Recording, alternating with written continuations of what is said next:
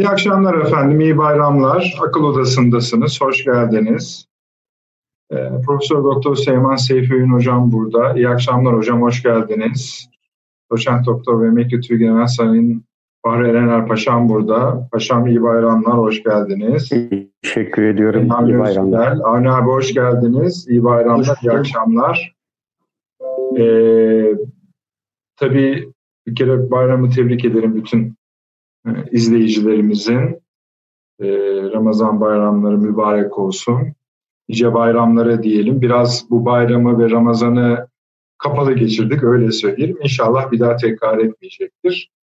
E, daha iyi, daha dolu dolu Ramazan, bayram e, yaşarız ümit ediyoruz. Dileğimiz o yönde. Efendim bu akşam Libya ile açılacağız. Şöyle bir, yani bu Libya konusu e, Türkiye'nin de taraf olduğu bir anlaşmazlık noktası tarifi yapılıp onun üzerinden e, her gün ne oluyor? Bazen gerginlikler olduğu zaman Libya'da ya da özel konuşmalar olduğu zaman yeniden gündeme geliyor. Ama şimdi bizim önümüzde manidar olduğunu düşündüğüm, anlamlı olduğunu düşündüğüm bir kronoloji var, bir akış var daha doğrusu. Kronoloji de diyemeyiz hemen çünkü çok dar bir zamanda oluyor. Bir akış var. İlk önce biliyorsunuz NATO vaziyet etti. Türkiye'nin desteklediği meşru hükümetle konuştu. Sonra e, Rusya'nın uçaklarının Hafter'in lehine o bölgeye gittiği söylendi. Zaten ondan bir önce de Hafter'in sözde e, Hava Kuvvetleri Komutanı çıkıp demişti ki çok büyük bir hava harekatı başlatacağız. Efendime söyleyeyim. Buna da o sıralamayı ekleyebiliriz. Ee, Sayın Çavuşoğlu Sayın Lavrov'la görüştü Dışişleri Bakanı. Bu zamanlama eş Birleşik Arap Emirlikleri'nden e, ve Rusya'dan ateşkes açıklamaları geldi. Sonra Sayın Cumhurbaşkanı ile Trump arasında bir görüşme oldu. Bu da yakın tarihli bir görüşme.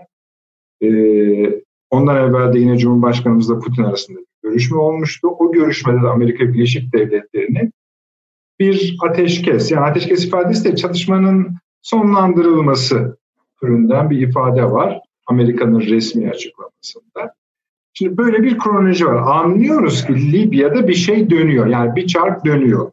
Bu çark biraz daha hızlanmış bir şekilde dönüyor anladığımız kadarıyla.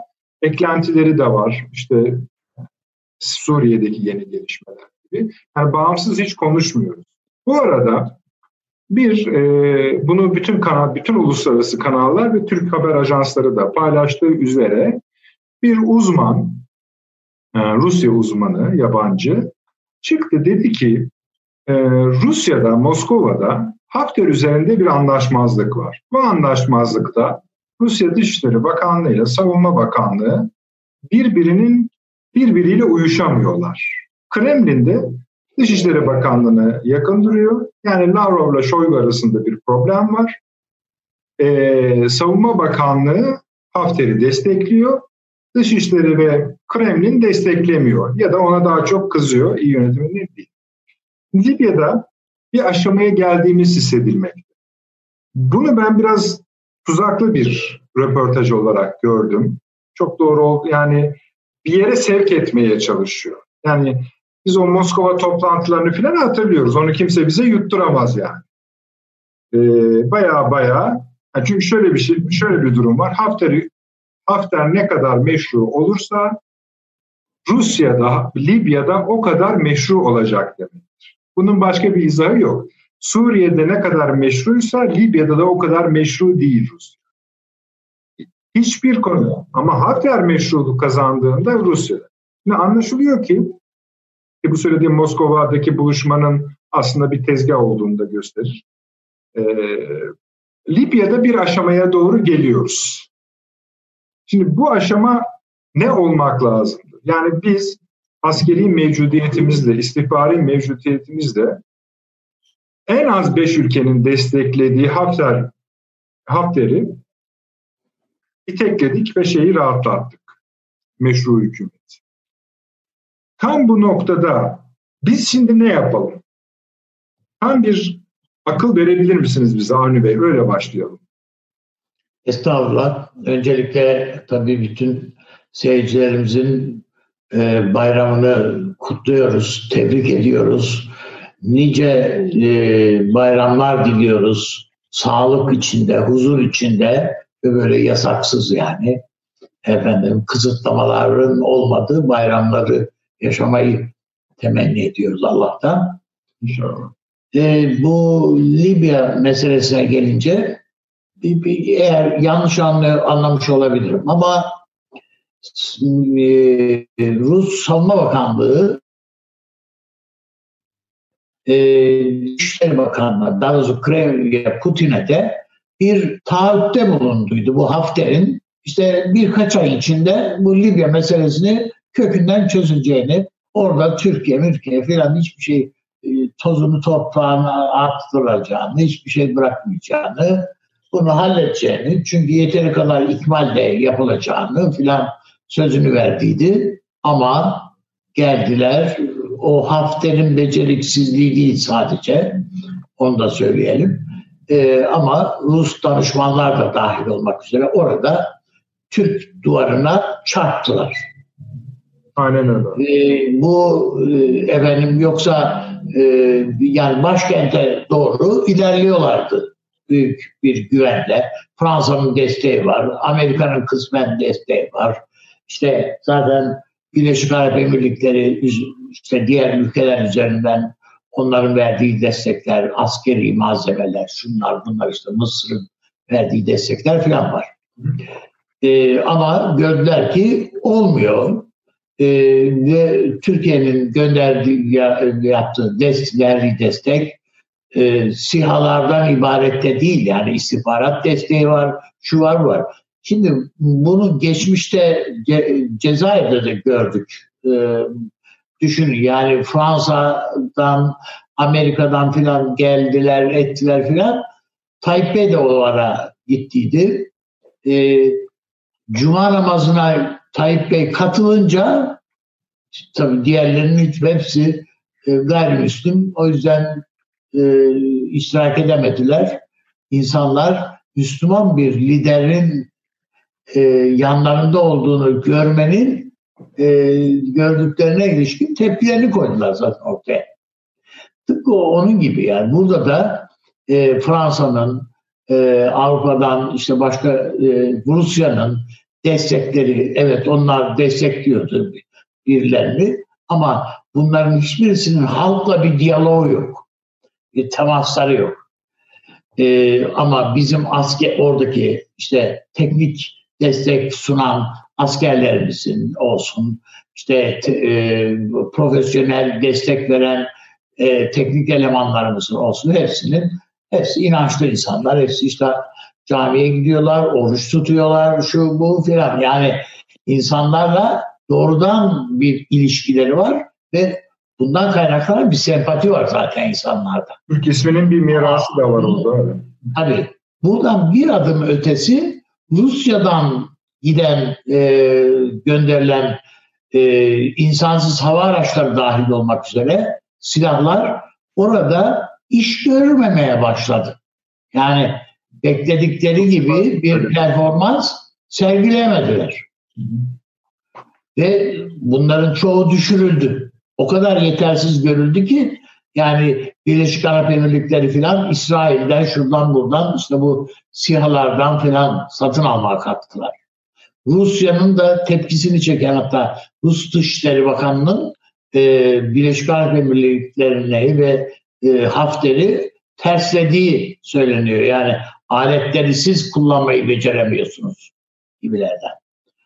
Ama nihayetinde görüldü ki yetersizlik var ve onun üzerine 10 e, gün kadar önce e, Rus e, hava kuvvetlerine mensup uçaklar, 6 uçak yanlış evet. öğrenmediysek 6 uçak gönderildi. Hava destek şeyi ve işte Hafter'in o açıklaması işte son dönemlerin en büyük saldırısını gerçekleştireceğiz falan.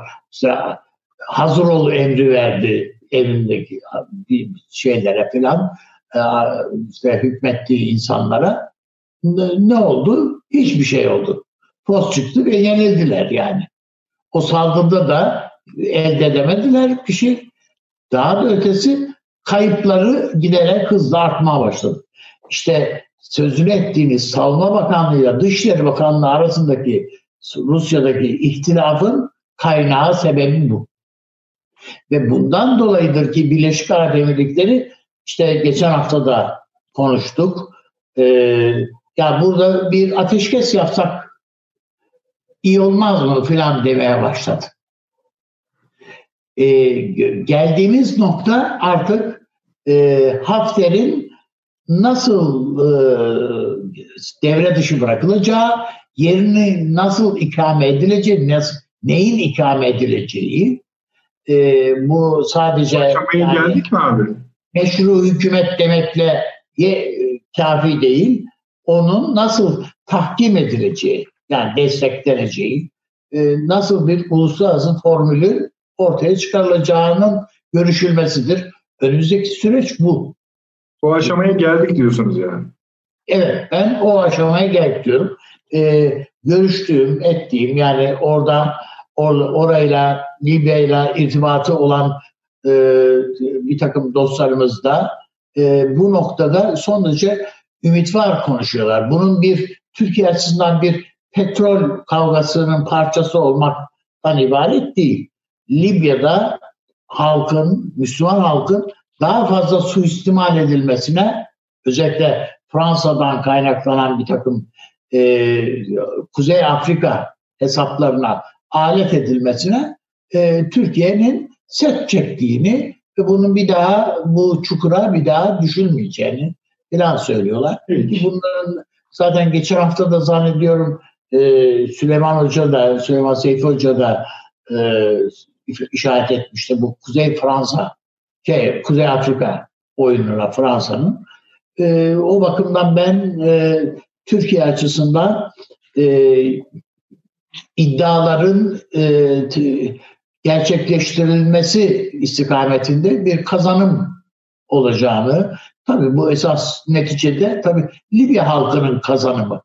Ama şurası herhalde bir gerçek. Türkiye orada bir takım e, istihbarat burada önemli bir görev üstlenmiş vaziyette. O, onu anlıyorum. Çünkü orada bir Libya zaten Kaddafi döneminde de bir aşiretler koalisyonuyla idare ediliyordu. Yani dengeleri işte Kaddafi elinde tutuyordu. Ee, onun kişiliğinde o dengeler korunuyordu. Evet, Her evet. aşirete belli bir takım ayrıcalıklar verilmiş idi. Şimdi Türkiye önce o aşiretleri tanımlamaya ve kazanmaya gayret ediyor. Ve burada çok ciddi mesafeler alınmıştır veya alınmaktadır diye duyuyor. Peki. Teşekkür ederim abi. Evet. Hocam siz de görüşlerinizi rica edeceğim ama bir de bu bizim savaş gemilerimiz meselesi var. Ee, yabancı kaynaklar Türk savaş gemilerinin müdahil olduğunu söylüyor. Ee, bunu abartarak, köpürterek de işte Hafter ve arkasındakiler bir takım mazeretler e, mağlubiyetlerini söylüyorlar ve biraz da sanki Batı'ya şikayet eder gibi konuşuyorlar. E, hem bu Libya'daki son durumu yani Avni Bey'e de yönelttiğim soruyu rica edeyim cevabını hem de bu, bu konuda da bir fikriniz varsa onu da alayım. Tabii öncelikle e, ben de e, izleyicilerimizin e, mübarek Ramazan bayramını en içten dileklerimle kutluyorum. E, sağlıklı ve huzurlu nice günler diliyorum. E, Türk Deniz Kuvvetleri Libya açıklarında bir tatbikat yaptığı doğrudur. Hatta burada e, Türk Savunma Sanayi tarafından üretilen e, denizaltılarla ilgili bir eğitim sisteminin de e, burada denendiği de doğrudur. E, dolayısıyla bunu e, bütün Libya açıklarında, e, bütün diğer ülkeleri donanmaları da izleyerek Türk donanması e, sadece Doğu Akdeniz'de değil Akdeniz'in her yerinde olduğunu da e, bu şekilde göstermiştir.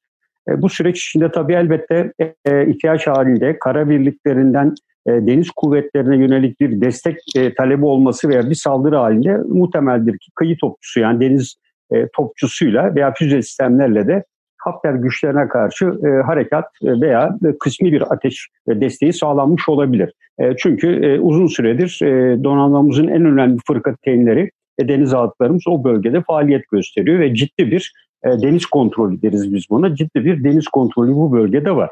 Diğer bir konu e, Libya şu anda e, esasında üçe bölünmüş durumda. Yani bir ulusal e, Seraç'ın başkanlığında olan Ulusal Mutabakat Hükümeti, Hafter'den ayrılan Tobruk, Tobruk'taki Libya Ulusal e, Meclisi, üçüncüsü de Hafter. Yani Hafter'le özellikle bu Tobruk arasındaki yapılanmada ciddi bir takım görüş ayrılıkları var ve e, Tobruk e, Meclisi'nin kontrolünde olan bazı güçlerin Hafter'den ayrıldığına dair e, ciddi istihbari bilgiler var. E, burada tabii Türkiye açısından en kötü senaryo ki ben e, Rusya'nın ve Hafter'in bunun üzerine uğraştığını görüyorum. Libya'nın ikiye bölünmesidir. Libya e, ikiye bölündüğü takdirde e, özellikle Rusya, bunun arkasında Yunanistan, Fransa gibi geçen gün malum e, toplanıp da Mısır gibi ülkeler Türkiye yönelik olarak e, özellikle Libya konusunda, e, Doğu Akdeniz konusunda bir e, bildiri yayınlamışlardı. Bu e, ikiye bölündüğü takdirde Türkiye'nin ulusal mutabakat hükümetiyle yapmış olduğu deniz yetki sınırlarının sınırlandırılması anlaşmasının ve aynı zamanda savunma sanayi askeri eğitim işbirliği anlaşmasının da ortadan kalkacağını biliyorlar. Dolayısıyla ben şu anda e, daha fazla ilerleye gidemeyeceklerini de tahmin ediyorum. Yani çünkü e, Vatia üssü malum var. E, özellikle 1942 yılında yapılmış çok önemli bir üs. E, ve Hafter burayı e, özellikle bu bölgedeki operasyonların e, merkezi üssü e, birçok e, kuvvetlerin olduğu hatta 5'e yakında burada uçağın bulunduğu da ve onların da hatta e, Trablus e, merkezi hükümetin saldırısıyla pis hale getirildiği de söyleniyor ve burayı tamamen boşalttılar. İkincisi dün gelen önemli bir istihbarat var. Buradaki Wagner güçlerinden e, yaklaşık 40 araçlık bir konvoyun e, Trablus güneyinden daha güneye doğru intikal ettiği bunun canlı görüntü ve resimleri de var. Yani hem hava fotoğrafları var hem görüntüler var. E, Wagner'in e, dünkü çatışmalarla 15'e yakın bir kayıp verdiği e, ifade ediliyor.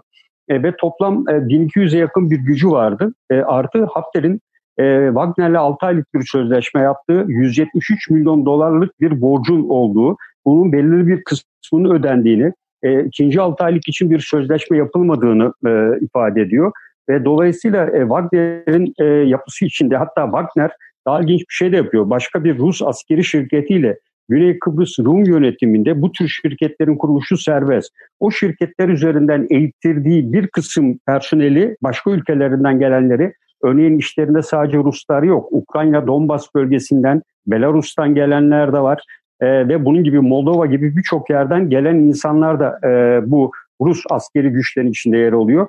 E, dolayısıyla Wagner'de e, artık e, özellikle Birleşik Arap Emirlikleri'nin ikinci el olarak Rusya'dan almış olduğu harp silah araçlarının Türkiye'nin insan sava araçları veya diğer sistemleri karşısında yetersiz kalması üzerine Birleşik Arap Emirlikleri de Hafter'e e, artık gözden çıkarılacağı ve ne yapacaksa yapması gerektiği konusunda e, baskı yapmaya başladı. E, dolayısıyla e, Hafter üzerinde e, Rusya'da son bir hamle yapmayı istiyor. Yani e, bu yıl 123 milyar dolar gibi petrol düşüşünden dolayı bir açık vermesini bekliyor Rusya ve Putin tarihindeki ilk kez e, %60'ların altına indi halk desteği konusunda ve çok ciddi ülke içinde de sorunlar var.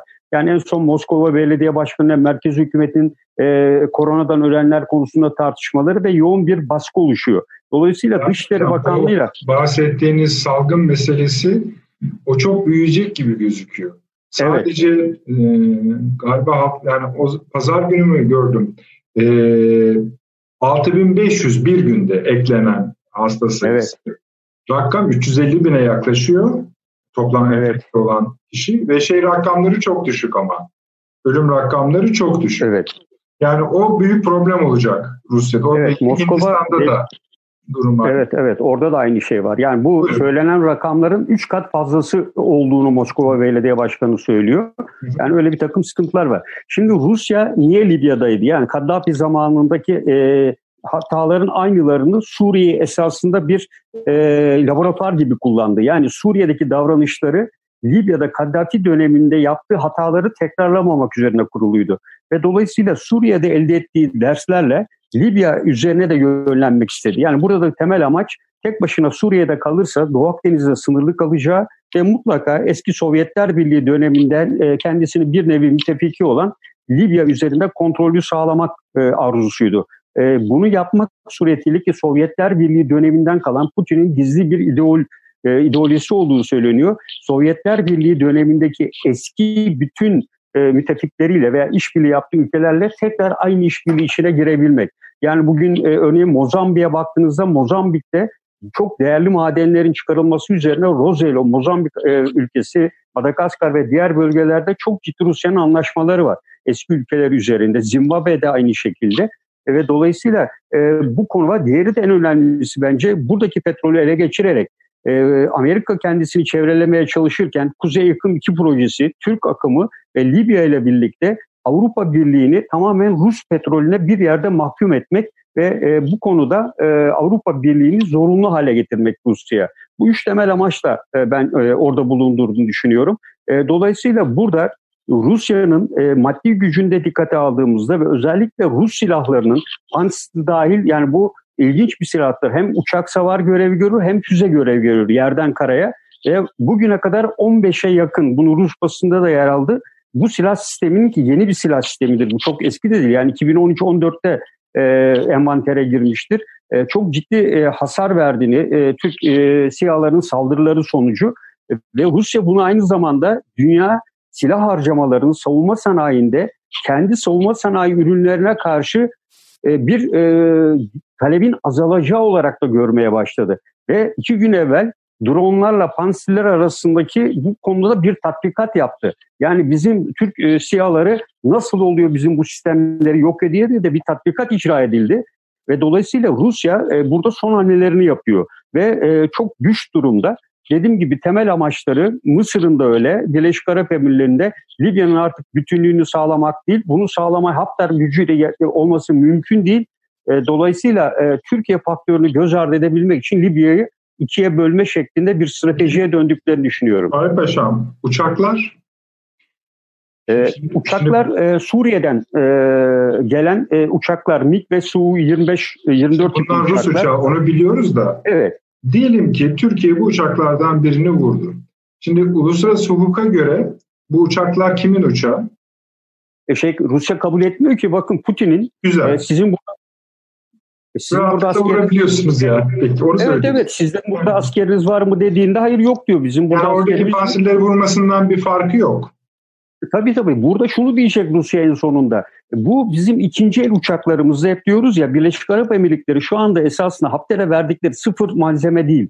İkinci el Sovyetler Birliği döneminden depolarda kalan ikinci elleri. Bir tek Panstr'e geliyor. Onda Birleşik Arap Emirlikleri üzerinden Rusya para kazanıyor.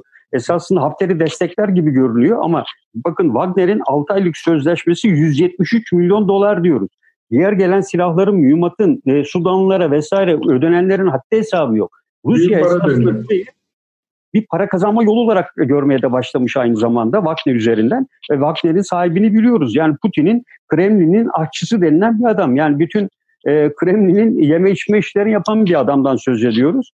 E, dolayısıyla burada e, Rusya bu uçakları ben Birleşik Arap Emirlikleri veya Hafter'e satmıştım şeklinde bir e, protokol de yapabilirler satış sözleşmesi de. E, bir de ilginç bir şey var tabii bu uçakların e, internette de var. Adım adım nereden havalandığı, nereye kalktığı, e, nereden nasıl evet, geldiği evet. net olarak da belli. E, Birleşmiş Milletler'in bu raporlarına da yansıdı. Yani hem Birleşik Arap Emirlikleri hem e, Rusya'nın buraya sürekli silah yığdığı şeklinde. E, dolayısıyla hem NATO e, bir karşı almaya başladı. Ulusal Mutabakat Hükümeti'nin karşısındayız diye. Hocam e, Rusya, Rusya hiçbir zaman evet, Libya'daki mevcudiyetini evet. aşikar edemez, aleni hale getiremez. Evet. Evet ben e, o şekilde olduğunu o, düşünüyorum. Evet. Tabii aynen öyle. Çok kısa bir şey daha sorayım hemen Süleyman Hocam'a. Avni Bey gibi siz de e, siyasi bir sürece geçildiğini düşünüyor musunuz? Siyasi evet, çok... evet. Ben de e, değerli üstadımız gibi aynen e, siyasi bir sürece e, geçildiğini düşünüyorum. E, çünkü artık e, burada e, ulusal mutabakat hükümeti eğer belirli bir siyasi süreçte bir aşama kaydedilmezse ulusal mutabakat hükümetinin e, daha e, ilerleyebileceği ve dolayısıyla e, bu Rusya'nın Birleşik Arap Emirlikleri'nin biraz devre dışı kalacağı ve şu anda e, Mısır çok ciddi dediğim gibi geçen e, programlarda da e, Mısır e, şu anda e, ciddi ekonomik krizler e, yaşıyor. Yani Körfez ülkeleri Rusya'da taşıyamaz. Yani Suriye ile birlikte evet. Libya'yı asla taşıyamaz yani. E, evet dolayısıyla e, şu anda e, burada Türkiye ana e, aktörü olarak arkasında NATO Stoltenberg'in söylediği bir şey ulusal mutabakat üstü hükümetini destekliyoruz ifadesi son derece önemli. Belki de burada Türkiye'nin varlığına, Rusya'nın buraya bu kadar girmesine karşı e, Türkiye belki NATO'dan da bir görev şeklinde de tevdi edilmiş edilebilir ileriki süreç Valla yani şimdi kamuoyuna baktığımızda orada biraz kaygıları var Türk kamuoyunun. NATO'nun oraya girmesi iyi mi? Amerika'nın girmesi iyi mi? Ateşkes iyi mi? Yani ne zaman ateşkes olsa? Abi bir şey mi söyleyeceksiniz? Pardon paşa. Şimdi e, Arife günü Sayın Cumhurbaşkanımızla e, Trump'ın yaptığı görüşmede bu Libya meselesinin e, başlıca görüşme konularından birisi olduğu evet. yönünde bir açıklama gelmişti. Sadece bu görüştüler açıklamasından ibaret değil, bir mutabakatın da sağlandığı. Tabii bu işte sadece Libya konusunda değil, Suriye meselesi, işte Kuzey Irak falan bölgesel meseleler ama Libya'ya özellikle atıf yapılarak bir mutabakatın veya e, bir e, anlayış birliğinin sağlandığı şeklindeydi. Muhtemeldir ki e, Türkiye NATO üzerinden değil ama doğrudan doğruya Amerika ile bu Libya konusunda bir mutabakat sağlayarak yürümeye gayret ediyor diye düşünüyorum. Doğrudan Amerika ile bir mutabakat sağlayarak. Demin şeyde de bir başınızı sallamıştınız. Bu Rusya'nın hem Libya hem Suriye'yi e, tolere edemeyeceği konuşması sırasında. Hiçbir şekilde yani ikisini birlikte e, taşıyamaz yani Rusya. Siyaseten de taşıyamaz, ekonomik açıdan da taşıyamaz. Yani bu efendim e, işte e, Avrupa'yı Rus petrolüne, e, doğalgazına e, ile kuşatmak, mahkum etmek filan ve düşünce planında olabilir ama yani sadece hayal planında bunları düşünebilirsiniz ama bu noktada başka güçler de var yani orada. Sadece ben yaptım oldudan ibaret değil.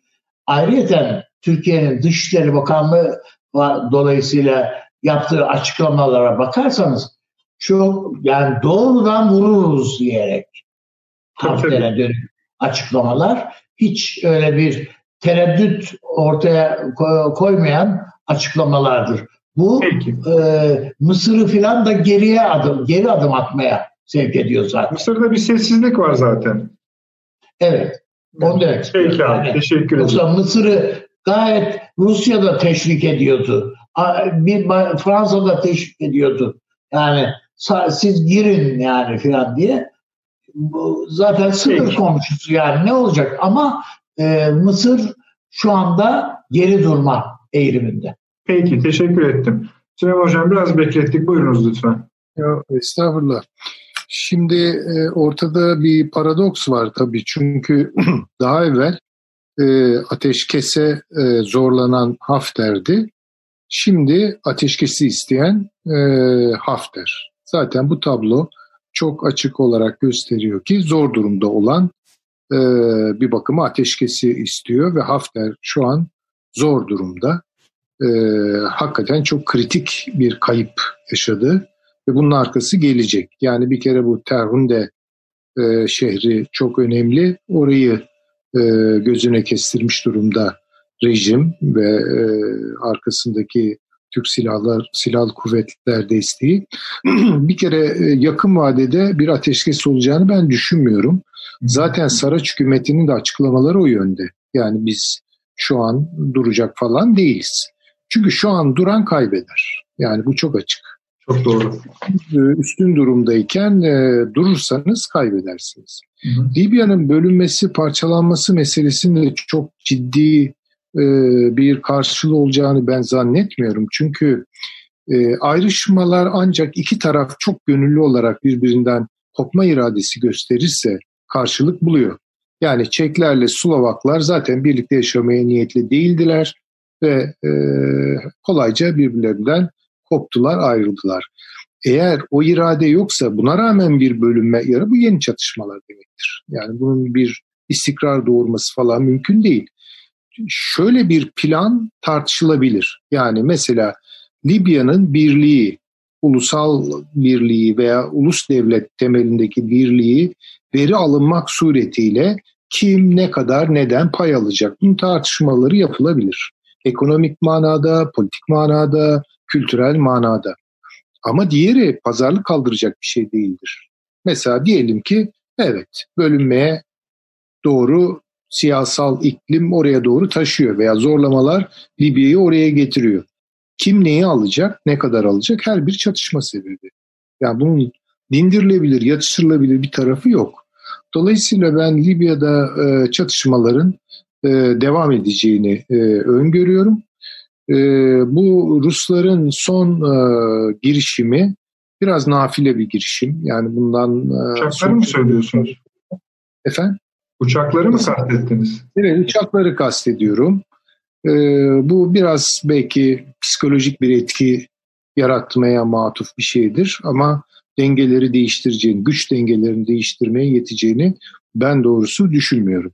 Ama şu an susanlara bakmak lazım. Ben her zaman hani bir fotoğrafta neresi en flu kaldı oraya bakmaya e, genellikle teşneyimdir, e, yatkınımdır. E, eğer e, Sur Libya'da e, hükümetin e, meşru hükümetin ilerlemesi gelir bir noktada Mısır sınırına dayanırsa bu bambaşka bir tablo getirir. Yani o zaman susan Mısır'ın çok daha fazla konuşacağını tahmin ediyorum ben. Mısır şu an beklemede biraz da çünkü Etiyopya ile meseleleri var. Oraya teksif olmuş durumda. Su gibi çok hayati bir meseleye dayanıyor bu. Ee, bunu öngörüyorum. Benim e, tahminim e, bir başka formülün Amerika tarafından hazırlandığıdır. Hmm. Bunu ben daha evvel de dile getirmiştim. Bir ihtimal olarak onu da yedekte tutmak lazım. Ee, Kaddafi, Kaddafi'nin oğlu üzerinde bir senaryo var. Yani o bir manada yatışmaları böyle sona erdirecek bir ortak şey gibi ne diyelim e, kilit figür gibi düşünülüyor. O olabilir veya başka biri olabilir. E, ama dediğim gibi bunun da çok fazla hayatta bir karşılığı olacağını ben düşünmüyorum. Teklif edilebilir, önerilebilir. E, Libya'da daha sular durulmayacak. Bu devam edecek. Yani siyasi aşamaya daha gelmedik diyorsunuz. Bence gelmedik. Yani bu başlatılsa bile suni bir baskıyla, işte Avrupa Birliği de istiyor bunu. Avrupa Birliği derken sadece Avrupa Birliği de değil yani İngiltere, Fransa, Almanya e, hepsi birlikte istiyorlar falan ama e, bu diyelim ki bir toplantı oldu o o toplantı taraflardan birinin o masayı terk etmesiyle sonuçlanır. Yani şu an henüz siyasal bir çözüm bulma e, noktasında süreç olgunlaşmış değil bence. Çatışmaların devam edeceğini düşünüyorum. Peki siz dediniz yani e, Libya'da duran kaybeder diye e, yani Türkiye'nin de durmaması gerekiyor yani. E, tabii ki durmaması gerekiyor. Yani çünkü askeri açıdan söylüyorum yani. Askeri açıdan devam edecek çatışmalar. Hı hı. Bence yani çünkü ateşkes ilan edilse bile bunlara çok aldanmamak lazım. Biri bozar. Yani ateşkesler çok kırılgandır biliyorsunuz. Yani bu böyle. Bir de e, bu sürecin çok Libya ile sınırlı tutulmaması lazım. Mağrip bölgesi yeniden şekilleniyor. Bakın Tunus, Cezayir ve Fas özellikle. Bu ülkeler arasında bir yeni oluşum ortaya çıkıyor. Bu yeni oluşumun da bir anlamda orkestrasyonunu Türkiye'ye Esas bunu mesele ediyorlar. Yani bu hakikaten bir mesele. Şimdi Amerika bunu kendi Afrika politikaları açısından, Akdeniz politikaları açısından avantajına dönüştürebileceği bir şeyin kokularını alırsa desteğini sürdürür. Ama bunu tehdit olarak algılarsa başka bir sayfa açılır. Bu Fransa'nın işte zaten bu işte bu kadar e, etkin bir biçimde rol almasının da arka planını oluşturuyor. E, şimdi çünkü mesela Moritanya ile Fas arasındaki problemleri tırmandırıyorlar. Tunus'ta çok ilginç gelişmeler oluyor. Gannushi'nin e, çoğunluğuna. Birleşik Arap Emirlikleri'nin saldırısı altında biliyorsunuz. Tabii tabii. Yani sadece savaş evet sıcak olarak Libya'da yaşanıyor ama değişik hararet boyutlarında bütün bölgede yani Tunus'ta çok ciddi işte bir muhalefet kışkırtıcılığı başlıyor. Bunun emarelerini görüyoruz. E, Cezayir'i sıkıştırıyorlar. E, Fas'ı çok sıkıştırıyorlar özellikle Birleşik Arap Emirlikleri ve Moritanya'yı onun üzerine sürerek e, onu zor durumda bırakmak istiyorlar. Yani mesele sadece Libya ile sınırlı değil, bütün bir Mağrip bölgesinin istikbaliyle yakın e, bir e, dönem itibariyle alakalı. Bunu görmemiz lazım. Daha büyük parantezi ise Afrika üzerinden açmamız lazım. Bakın Rusya'nın orada bulunmak iddiası, niyeti orada bir üs elde etmek yani. Bunu çok açık olarak görmek lazım. E, bu şu demektir, Rusya'nın Afrika siyasetleri, demin paşam çok güzel değindi onun e, açılımlarını. Biliyorsunuz Rusya'nın bir Afrika açılımı var. E, işte bu e, BRICS e, temelinde işte Güney Afrika ile falan başladılar. En güneyden başladılar. Angola'dır, Mozambik'tir eski e, yakın oldukları e, ülkelerdeki hücrelerini ayağa kaldırmak istiyorlar. İşte Libya'yı yeniden bu manada kontrol etmek istiyorlar.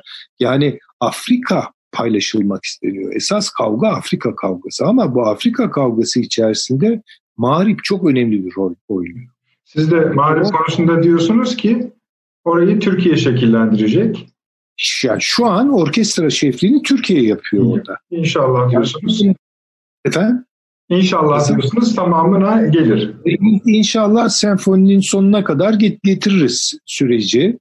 Ee, ama o çok önemli bir gelişme. Bütün mesele orada Amerika Birleşik Devletleri'nin beklentileriyle, çıkarlarıyla Türkiye'nin attığı adımların uyumunu götürmektir. Peki. Bence esas dışişlerinin takip edeceği budur ve Trump Erdoğan görüşmesi bir bakıma da bunun Peki şey ediyor. Tamam. Buna da biraz daha devam ederiz arzu ederseniz eğer. Şimdi bir aramız var. Onu verelim izin verirseniz. Ondan sonra bu önemli konuyla devam edelim. Başka kritik konularımız da var. Hemen geliyoruz. Bir dakika reklam arası. Haberin sosyal medyası gzt.com sizi çok farklı bir okuyucu deneyimine davet ediyor. Merak ettiğiniz sorular yanıt buluyor, henüz duymadığınız şaşırtıcı konularsa karşınıza geliyor. Yorumlarınıza editörler cevap veriyor, arkadaşlarınızla paylaşmak isteyeceğiniz eğlenceli içerikler hazırlanıyor. Sizler için kamera karşısına geçiliyor ve olaylar sıkmadan ve anlaşılır şekilde anlatılıyor. Özel infografikler, videoların yanı sıra burada sayamayacağımız sayıda farklı dergiler. Şimdi telefon ekranınızı daha da anlamlandırmak için sizi davet ediyoruz. GZT uygulamasına iOS ve Android marketlerden kolaylıkla erişebilir, pişman olmazsınız. Mutlaka indirin. Reklam arası sona erdi. Döndük efendim, akıl odası devam ediyor. Süleyman Bey'de kalmıştık. Hocam bu şeyi ekleyeceğiniz bir bölüm varsa bu Afrika'nın kuzeyinin Türkiye tarafından şekillendirilmesi noktasına onu da alalım. Öbür konumuza geçelim. Söyle. Yani ıı, söyleyeceklerimi söyledim. Ben bir ekleme yapabilir miyim? Buyurun, buyurun, buyurun. Şudur, yani öteden beri yani son 50-60 yıl diye baktığımız vakit Rusya'nın yani Sovyetler Birliği döneminden başlayarak e, Orta Doğu'da yani o Bağız rejimi üzerindeki yani gerek Irak gerekse Suriye üzerindeki ağır, ağırlığı, etkisi filan. Ondan sonra Mısır'da Nasır dönemine ilişkin olarak etkisi, ağırlığı, Libya'da keza. Sovyetler Birliği ve dolayısıyla yani Rusya'nın hiçbir zaman burada bir başarı bu ülkelere kattığı bir şey olmadı. Olamadı. Yani bunu göz ardı edemeyiz e, desteklediği bütün ülkeler, desteklediği bütün rejimler kaybettiler. Tutunamadılar. Doğu Avrupa'da da öyle de bak, bakmayın ama özellikle konumuz şimdi Afrika olduğu için söylemek durumundayız. Yani Mısır neler ümit ettiydi? Nasır. Tabii tabii. Yani, yerle bir olduğu bütün e, İsrail karşısında Arap itibarı e, ayaklar altına alındı. Libya'da keza Kaddafi sonunda Batı dünyasından bir şeyler almak e, destek almak ihtiyacını hissetti. Batı dünyasından af dilemek zorunda kaldı. Yani bütün bunları da göz önüne alarak Rusya'nın şu anda Libya'da veya da Afrika'da e, Orta Doğu'da ne kadar başarılı olabileceği konusunda e, evet bir kehanette bulunmak istemem ama yani çok da öyle üzerine çok şey inşa edilecek bir e, şey e, güvence, güvence sunmadığını düşünüyorum.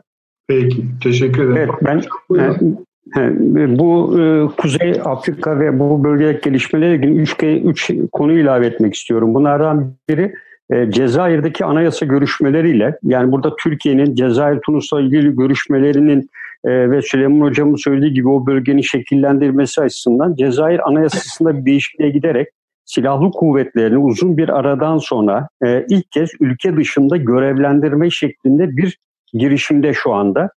İkincisi Sahel'de e, özellikle e, Moritanya e, ve e, o bölgedeki diğer ülkelerde buradaki terör faaliyetleri e, Fransızlara göre veya buradakilere göre de Fransa'nın e, buradaki kaynaklardan artık yavaş yavaş e, bu ülkeler e, Fransa'nın gitmesini istiyorlar. E, daha evvel de biliyorsunuz burada uçan İHA'ları Fransa'ya ait düşüreceklerini ilan etmişlerdi. E, Fransa Avrupa Birliği'ni e, geçenlerde bir duyurda bulundu. E, ve e, İsveç buraya 200 tane özel kuvvetler personeli gönderdi. Bir kısım güçler de Afrika, e, Afrika Birliği'nden geldi. Afrika Kom adı altında burada bir yapılanma var. 15 bine yakın asker var. Amerika bir kısım birliklerini buradan çekti. Fakat Sahel'deki e, Fransa e, buradaki üstünlüğünü kaybetmek üzere. Dolayısıyla bu bölgeyi kaybettiği takdirde e, Kuzey, Magrib ülkeleriyle olan e, konularda...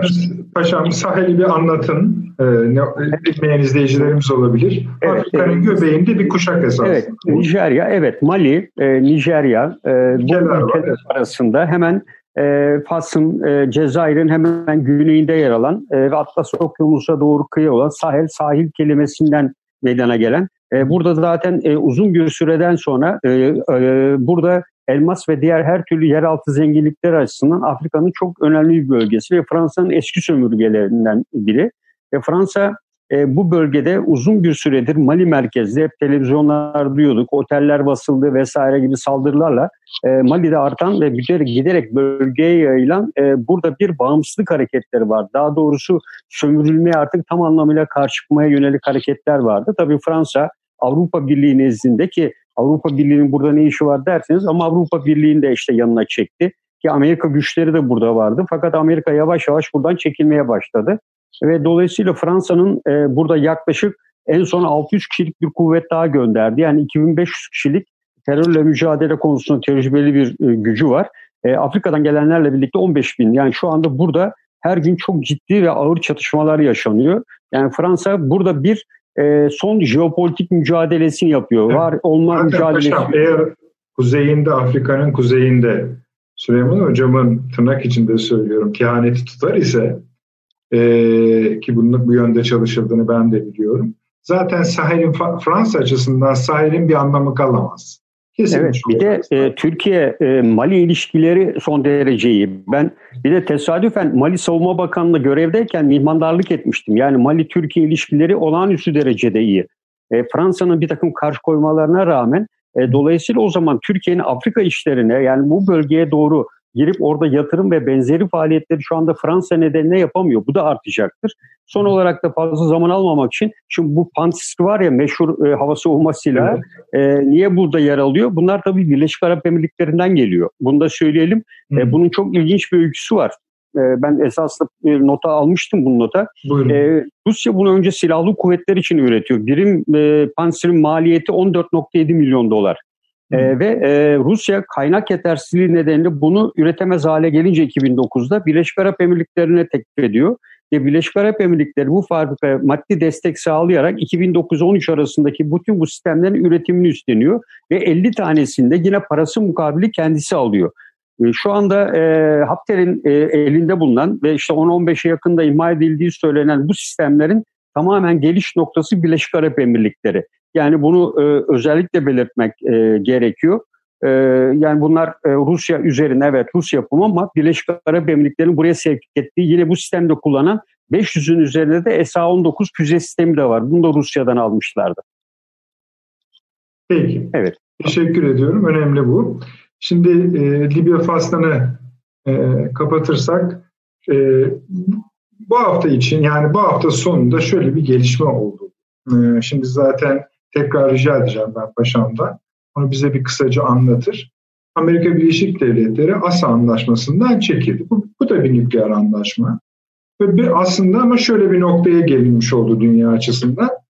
Ee, stratejik güvenliğe güvenliği sağlayan, tutan e, sütunların tamamı çökmüş oldu. Yani uluslararası anlaşmaların, stratejik anlaşmaların tamamı çökmüş oldu. Tertemiz bir alan var. Bazı anlaşmaların yenilenmesi zamanı geliyor. Muhtemelen onlara da Amerika uymayacak ve burada hem Rusya'ya ama özellikle de Çin'e yönelik bir baskı oluşturuyor Amerika Birleşik Devletleri. Tüm bu anlaşmaların başta da nükleer anlaşmalar olmak üzere baştan masaya oturularak Amerika'nın istediği artık Amerika'ya daha uygun bir hale getirilmesi, yeni şartları Amerika'nın yeni şartlarına daha uygun hale getirilmesi gereken bir formatta imzalanmasını istiyor. Bunun için Rusya'yı da Çin'in üzerine itiyor e, ve burada bir baskı yaratmaya çalışıyor. Şimdi bunun üzerine konuşalım biraz ama e, bir paşamdan rica edin bu asayı bize bir anlatsın. Zaten çok böyle e, şunu söyleyebiliriz en azından. Bugüne kadar küresel anlaşmalar içinde en detaylı olandır. Üzerinde en çok çalışılmış olandır. Evet. E, bizim de dahil olduğumuz değil mi paşam? Hani biz de görev yapıyoruz. Gidiyoruz evet evet tabii. tabii. Biz de dahiliz. Hı-hı. Şimdi tabii bizim durumumuzda ne oluyor onu da bilmiyoruz. Ee, bir onu bir anlat, bize rica etsek seyircilerimize bize anlatırsanız ondan sonra da asıl konuya gelelim. Ee, evet, e, açık e, ASAK e, açık ismiyle Açık Semalar Anlaşması. Bu esasında Soğuk Savaş döneminde ilk kez Eisenhower döneminde Sovyetler Birliği'ne öneri olarak götürülen şeffaflığa karşı, gerginliğe karşı silahsız keşif uçuşla, uçakların uçmasıyla ilk kez bu önerilmişti. O zaman Sovyetler Birliği bunu casusluk endişesiyle kabul etmemişti. 1990'lı e, yıllardan itibaren e, Bush devreye sokmaya başladı bunu ve arkasından e, Avrupa ülkelerinin özellikle Sovyetler Birliği'nin dağılmasıyla birlikte 91 90'lı yıllarda 92 yılında Helsinki'de 34 Doğu bloku eski ülkelerle birlikte toplam 34 ülke bunu kabul etti. Sonra tabii bu 34 ülkenin ki buna Gürcistan da Rusya da dahil doğuya doğru hemen hemen büyük bir kısmı tabii NATO şemsiyesi altında toplandı. E, ve e, NATO ülkeleri için e, özellikle Rusya üzerinde ciddi bir bilgi toplama e, kanalı gibi gözükmeye başladı. Bunun şartı şöyleydi. Silahsız keşif uçuşları yapılabilir. E, buna e, denetleyecek olan ülkeler genelde sınır ülkeleridir ama iki ülke birlikte de yapabilir. Diğer bir konu e, ülkeler elde ettikleri bilgileri diğer bir ülkeye para karşılığı satabiliyorlar. Bu da ilginç bir boyutu. E, Türkiye'de birkaç kez Rusya üzerinde bu tür gözlemlerde bulundu. Ancak e, 2016 ve 17 yıl sanırım Türkiye ile Rusya arasında Rusya'nın Türkiye üzerinde yapmak istediği ASA kapsamındaki bir uçuşa Türkiye bunun e, bu kapsamda olmadığı e, düşüncesiyle e, Türkiye karşı çıktı. Yani 2016'dan sonra Rusya e, Türkiye üzerinde bu tür bir uçuş e, yapmadı. E, ve dolayısıyla e, Türkiye'nin de e, birkaç kez yaptığı uçuş var. Yani meteorolojik şartlar dışında e, bu rotalar asla değiştirilemiyor. E, ve bütün askeri tesisler e, üzerinde uçaklar uçabiliyor. E, mesela Rusya Amerika üzerine çok sayıda uçuş yaptı. E, Amerika'nın e, bundan niye çekildiğine gelince Amerika Birleşik Devletleri'nin özellikle Rusya'nın 2013 yılında geliştirdiği çok ciddi bir silah keşif e, aracı var. Ve üzerindeki sensörler e, oldukça gelişmiş ve Amerika Birleşik Devletleri üzerinde uçtuğu zaman en ince ayrıntısına kadar bilgi alıyor. Amerika Birleşik Devletleri bu konuda çok geri kaldı. E, daha birçok alanda olduğu gibi ve dolayısıyla e, kritik tesislerinin her biriyle ilişkin herhangi bir casusluk olayına ihtiyaç kalmadan Ruslar bu sistem vasıtasıyla her şeyi net bir şekilde çekebiliyor. Amerikalıların Rusya üzerinde yaptığı uçuşlar ise 1962 yılında ilk kez üretilmiş, sonra e, üzerinde birçok modifikasyona tabi tutulmuş olan gözlem uçaklarıyla yapıyorlar. Bu konuda e, silah Pentagon'a da zaten çok ciddi eleştiriler vardı. Siz Rusya'yı burnumuzun dibine bu anlaşmayla sokuyorsunuz dedi. E, diğer bir taraftan da e, özellikle e, hipersonik silahlarda e, Rusya'nın en son geliştirdiği Avangard isimli bir füze var. Bunun menzili 6000 kilometre ve Rusya'da Kamkaçya, e, Kamkaçya yarımadası üzerinde test etti. 6000 kilometrede öteden hedefi %100'e varan doğrulukla vurduğunu deklar etti tabii kendisi. Ses hızından 27 kat daha fazla uçabiliyor. Yani sadece ortalama Evet 35 bin kilometre e, hızla e, uçan bir uçak. E, şey, yani. Nükleer başlık da taşıyabiliyor. E, ve dolayısıyla arkasından Çin de aynısını üretti. E, bu konuda Amerika'nın elinde en gelişmiş olan Tomahawk'lardı. E, fakat hem avantgard olsun hem Rusya'nın diğer ürettiği hipersonik füzeler, Çin'in DK-17 ürettiği en son yine 5000 kilometre menzilli füze, isabet oranı yüksek. Tomahawk'a karşı çok ciddi bir e, üstünlük sağladılar. E, ve bunlar e, radarlarla asla tespit edilmiyor ve atmosfere 2000 santigrat dereceye dayanıklı füzeler. Atmosfere e, inip çıkabiliyorlar. E, ve dolayısıyla e, yörüngeleri tespit edilemiyor. E, ve düşünün yani avantgardın hızını saatte e, 35 bin kilometrelik bir hızla e, gidiyor ve çok büyük bir hız. E, Amerika Birleşik Devletleri dolayısıyla e, artık uçaklarla herhangi bir yeri tespit etmeli e, ASA kapsamında bir hükmünün kalmadığını, uyduyla ve diğer sistemlerle zaten istenen gözlemlerin yapılabildiğini belirtiyor ve ASA yerine özellikle bu hipersonik silahları uydudan tespit edecek yeni sistemlere çok ciddi ağırlık vermeye başladı. Yani benim şu anda diyor hipersonik füzelerle Çin ve Rusya ile e, yarışa girmektense onların atıldığı anda bu sistemlerin tespit edecek uydudan veya uydu savar sistemleriyle onları biraz e, daha e, geliştirmek üzerine e, çalışıyor. Ve dolayısıyla e, tabii Amerika Birleşik Devletleri çekilmekle birlikte geriye kalan 33 ülke bu anlaşmada devam ediyor. Dolayısıyla Amerika Birleşik Devletleri esasında bir şey kaybetmiyor. Yani buradan alacağı bilgileri en önemlisi Rusya'nın üzerinde uçmasını engelliyor. E, ikincisi zaten bu ülkelerin hemen hemen %90 NATO ülkesi olduğu için eğer bir gözlem uçuşundan bilgi alınacaksa NATO üzerinden zaten bu bilgileri alabiliyor. E, dolayısıyla Trump'ın zaten İran'la nükleer anlaşma, arkadan INF ve bu üçüncü ayrıldı. Evet, 2021'de start şimdi herkes heyecanla bekliyor. Acaba e, on, bu anlaşmadan... Ona, ona da itiraz edecek. Ona da itiraz evet, edecek. Evet. Ona bir şüphe yok. Evet. Şimdi e, Açık Semalar Anlaşması esasında Doğu ile Batı arasındaki bir güven gözlem anlaşması. Evet, evet. Şeffaflık tabii. Ruslar bunu 2000'lerin başında kabul ettiler. Ya 2001 ya 2002 yanlış hatırlamıyorsam.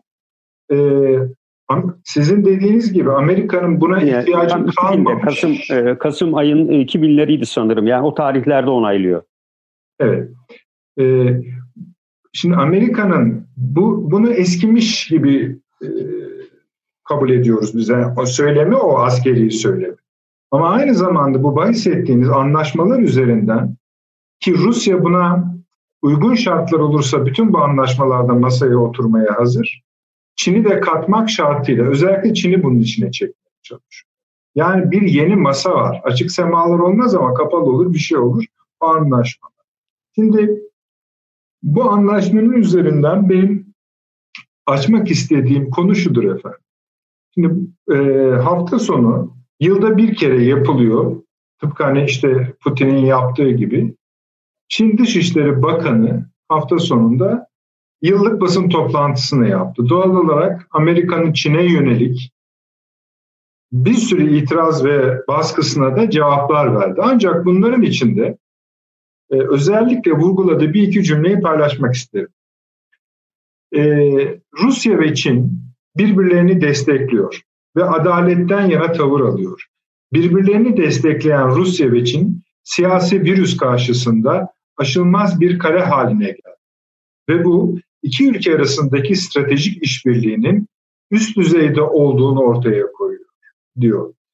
Ee, başka lafları da var ee, ama e, özellikle Rusya ve Çin arasındaki e, stratejik işbirliğinin öyle ifade ediyor. Tabii burada siyasi virüsten Amerika Birleşik Devletleri'ni kastettiğini çıkarıyoruz. Herhalde o olmak lazımdır. Ee, herkesin merak ettiği bundan sonra yani salgın sonrası döneme ait iki süper gücün en güçlü ifadelerinden birini bulduğunu görüyoruz. Şimdi e, Arne abi senle başlayalım izin verirsen. Ee, herkesin merak ettiği dönem o dönem ya.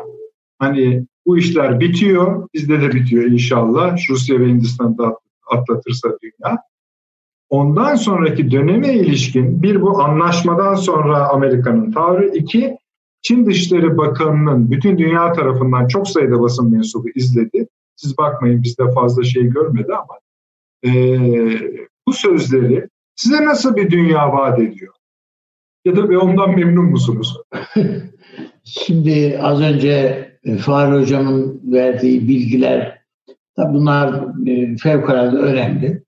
Yani bir e, anlaşma tehlike e, arz etme noktasından uzaklaşınca herkes imzayı basabiliyor ona. Yani bununla Rusya efendim Sovyetler Birliği devam ederken bu tür meseleler üzerinde işte Rusya üzerinden uçakların uçması filan e, Sovyetler Birliği'ni o dönemde çok rahatsız ediyor idi.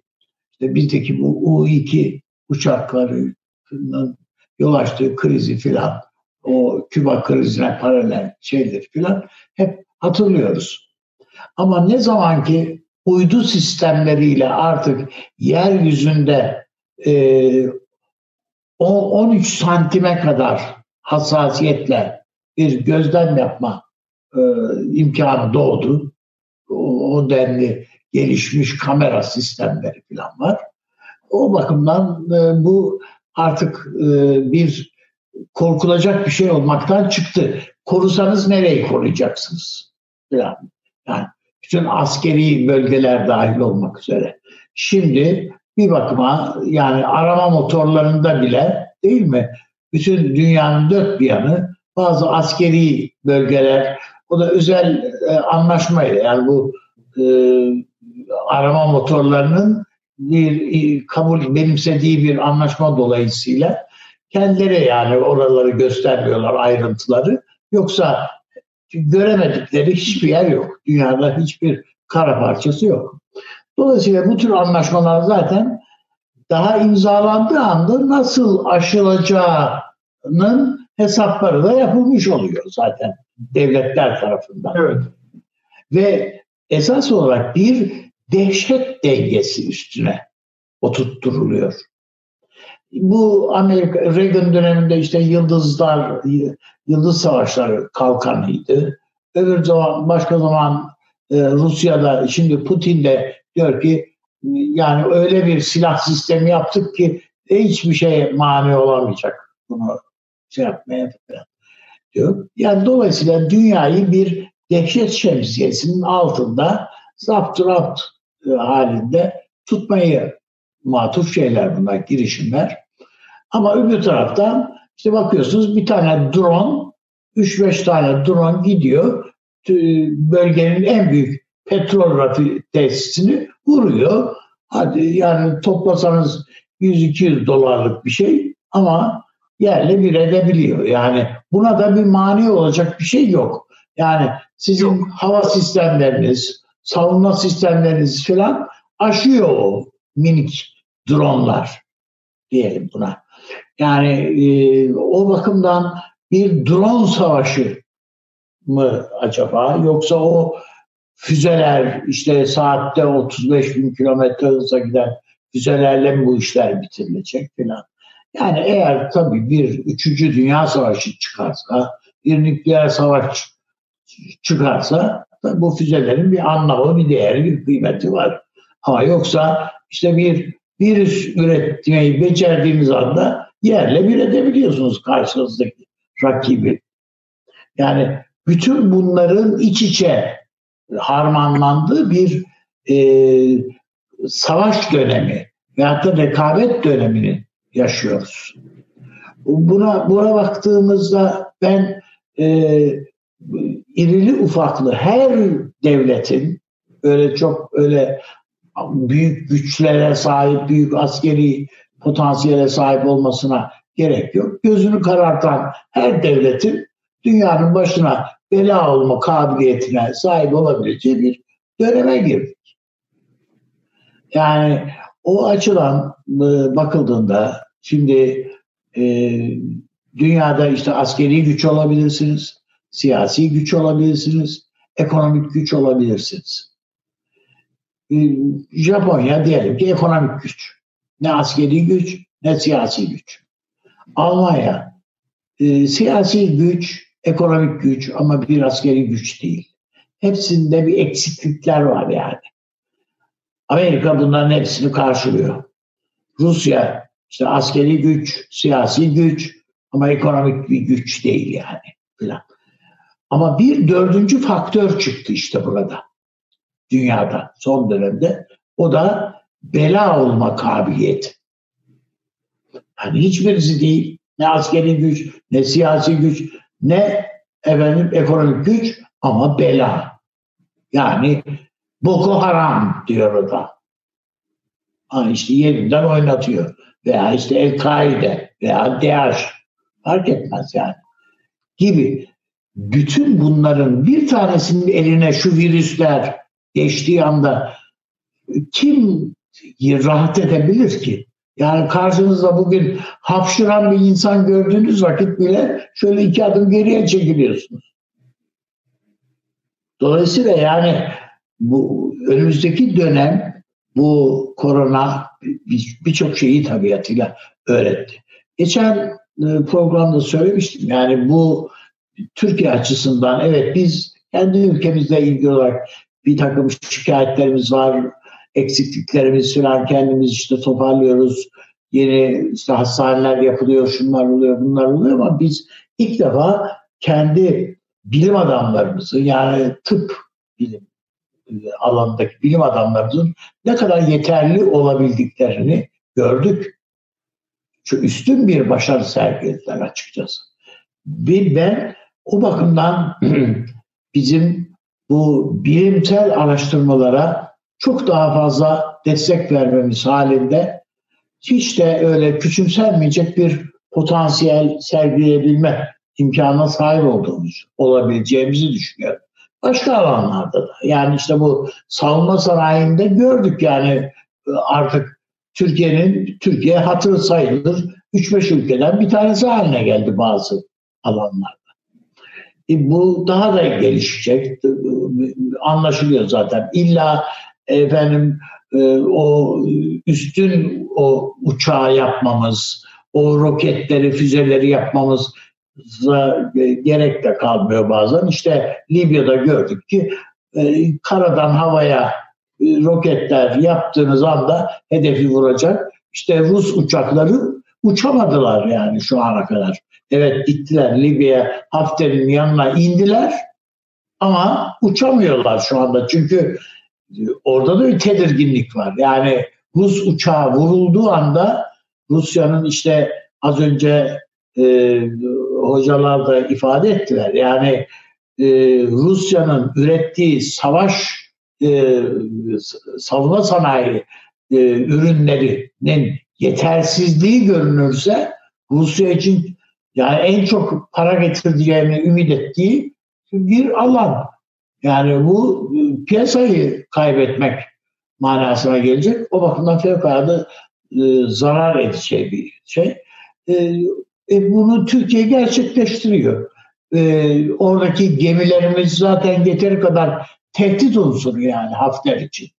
Ve bunlar e, atış kabiliyeti ve gücü bakımından son en son sistemlerle donatılmış bu gemiler. Türkiye'nin gemileri. Bütün bunlara bakıldığında ben e, dünyada da buna benzer Türkiye'yi bir örnek, bir model gibi alan almak isteyen ülkeler olduğunu da düşünüyorum. Her manada. İşte bu dışarıya yapılan yardımları var Türkiye'nin şey, Afrika siyaseti, Afrika'da neredeyse elçilik açmadığımız ülke kalmayacak inşallah yakın zamanda. E, hepsine iyi kötü hem yardım ediyoruz hem oralarda ekonomik şeyler dayanaklarımız, desteklerimiz artıyor. Bütün bunların ben bir model olarak e, görülebileceği, bunlar bir kısmı el, el yordamıyla yapılıyor olabilir. Ama bu Yunus Emre enstitüleri, şunlar bunlar yani hepsi esasında bir entegre bir e, yapı ve bir e, zihniyet e, şeyi var, bütünlüğü var içinde, bir paradigmanın içinde. O yüzden ben önümüzdeki dönemin e, bu Rusya, Çin, elbette bunların arasındaki rekabet ve e, gerilimler önemli. Amerika ile bunların arasındaki gerilimler önemli. Ama tek başına dünyadaki gelişmeyi bu gerilim, bu fay hat, büyük fay hatları belirlemeyecek diye düşünüyorum. Ama bu zira bu geri, bu e, odakların gerek Çin'in, gerek Amerika'nın, gerekse Rusya'nın çok ciddi zaafları ve gedikleri de var. Yani işte basit bir virüs koskoca Amerika'yı yerle bir etti yani. Küçümsenecek bir şey değil. Aynı şekilde bir petrol krizi bakıyorsunuz Rusya'yı e, beş parasız bıraktı. Sadece Rusya mı? Yani Suudi gibi böyle e, bir eli yağda bir eli balda olarak düşündüğümüz bir ülke e, IMF'den para isteyecek noktaya geliyor. Dünya Bankası'ndan şu anda destek isteyebilme noktasına geliyor. E, bu, bu e, bütün bunların zaaflarının görüldüğü e, ve ona göre pozisyon alındığı bir döneme giriyoruz. Teşekkür ederim. Süleyman Hocam buyurunuz. Ee, bu Çin-Rusya ilişkileri evet, üzerine mi? Yani tabii Çin-Rusya ilişkileri dediğimiz aslında e, salgın sonrası dönemde arada preslenen bir dünya kalacak Amerika ile Çin arasında. Şimdi buna ilişkin olarak önce büyük ülkeler paylaşılıyor rakipler tarafından, paylaşılmaya çalışılıyor. Bu konuları yeni konuşuyor değiliz ama böyle aktüel bir konu olunca e, esasında şöyle de bir istatistik paylaşayım. E, Xi Jinping döneminde yani Çin devlet başkanı göreve geldikten sonra e, birinci sırada e, dünyadaki bütün iki ikili lider görüşmeleri içinde Putin Xi Jinping görüşmesi birinci sırada duruyor. 32 görüşme. Yani telefonlar falan hariç. E, yüz yüze buluşmalardan kastediyorum. Bu tabii bir dünya rekoru bile sayılabilir. Buyurunuz. Ha, ne çıkar oradan onu bilmiyorum. Estağfurullah. Yani şimdi tabii e, Çin-Amerika gerilimi e, tırmanıyor. E, aslında yani bakıldığı zaman ateş ve barut kokan sahneler yok ama yani ölümcül sahneler var. Belki bir bakıma dönüşmüş bir dünya savaşını yaşıyoruz. Daha sonra tarihçiler bunun adını nasıl koyacaklar bunu bilmiyorum ama yani Üçüncü Dünya Savaşı'nın e, belki de karakteri bu. Yani biyolojik olarak e, başlatılan belki de devam ettirilecek olan bir süreç. Şimdi e, şöyle düşünelim. Ben işte bu işin menşei nedir? Üretildi mi? Suni yollardan mı dünyaya salındı? Yoksa işte şu mu başlattı, bu mu başlattı? Bu gibi tartışmalara henüz girmiyorum. Fakat kimin işine yaradığı sorusunu sorduğum zaman Amerika Birleşik Devletleri ve oradaki müesses nizam bunu Çin'e karşı adeta bir balyoz gibi kullanıyor. Yani yani Çin'in bir manada hani Türkçe bir tabir vardır e, ümüne yapışmış vaziyette orayı sıkıyor. Bir kere e, bu e, gerilimin dünyada Çin'in e, zaten ne kadar olduğu çok tartışmalı olan e, kredisini de önemli ölçüde tükettiğini düşünüyorum. Yani başarılı oluyor bu. Ha, sonuç alır almaz onu bilmiyorum ama Çin'in hakikaten dünyadaki itibarına ne kadar vardı tartışılır dediğim gibi tamamen sona erdirmeye matuf bir çizgide devam ediyor. Yani çekik gözlüleri dövmeye falan başladılar biliyorsunuz sokaklarda.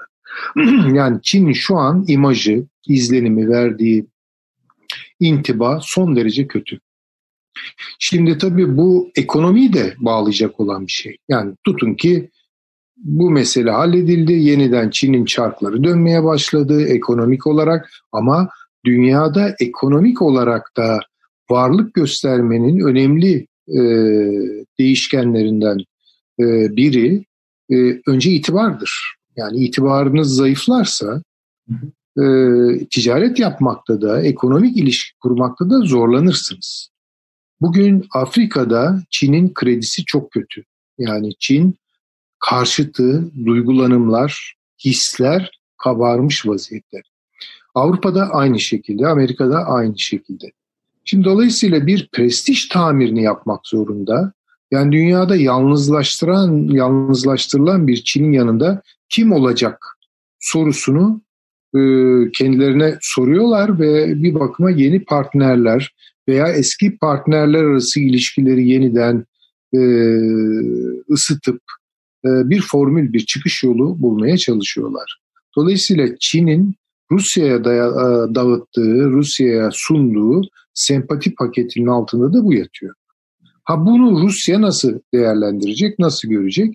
Bence Çin Rus rekab şey Çin Amerika rekabetinde e, esas sıkışan ve bir belirsizliğe gömülen taraflardan biri Rusya'dır.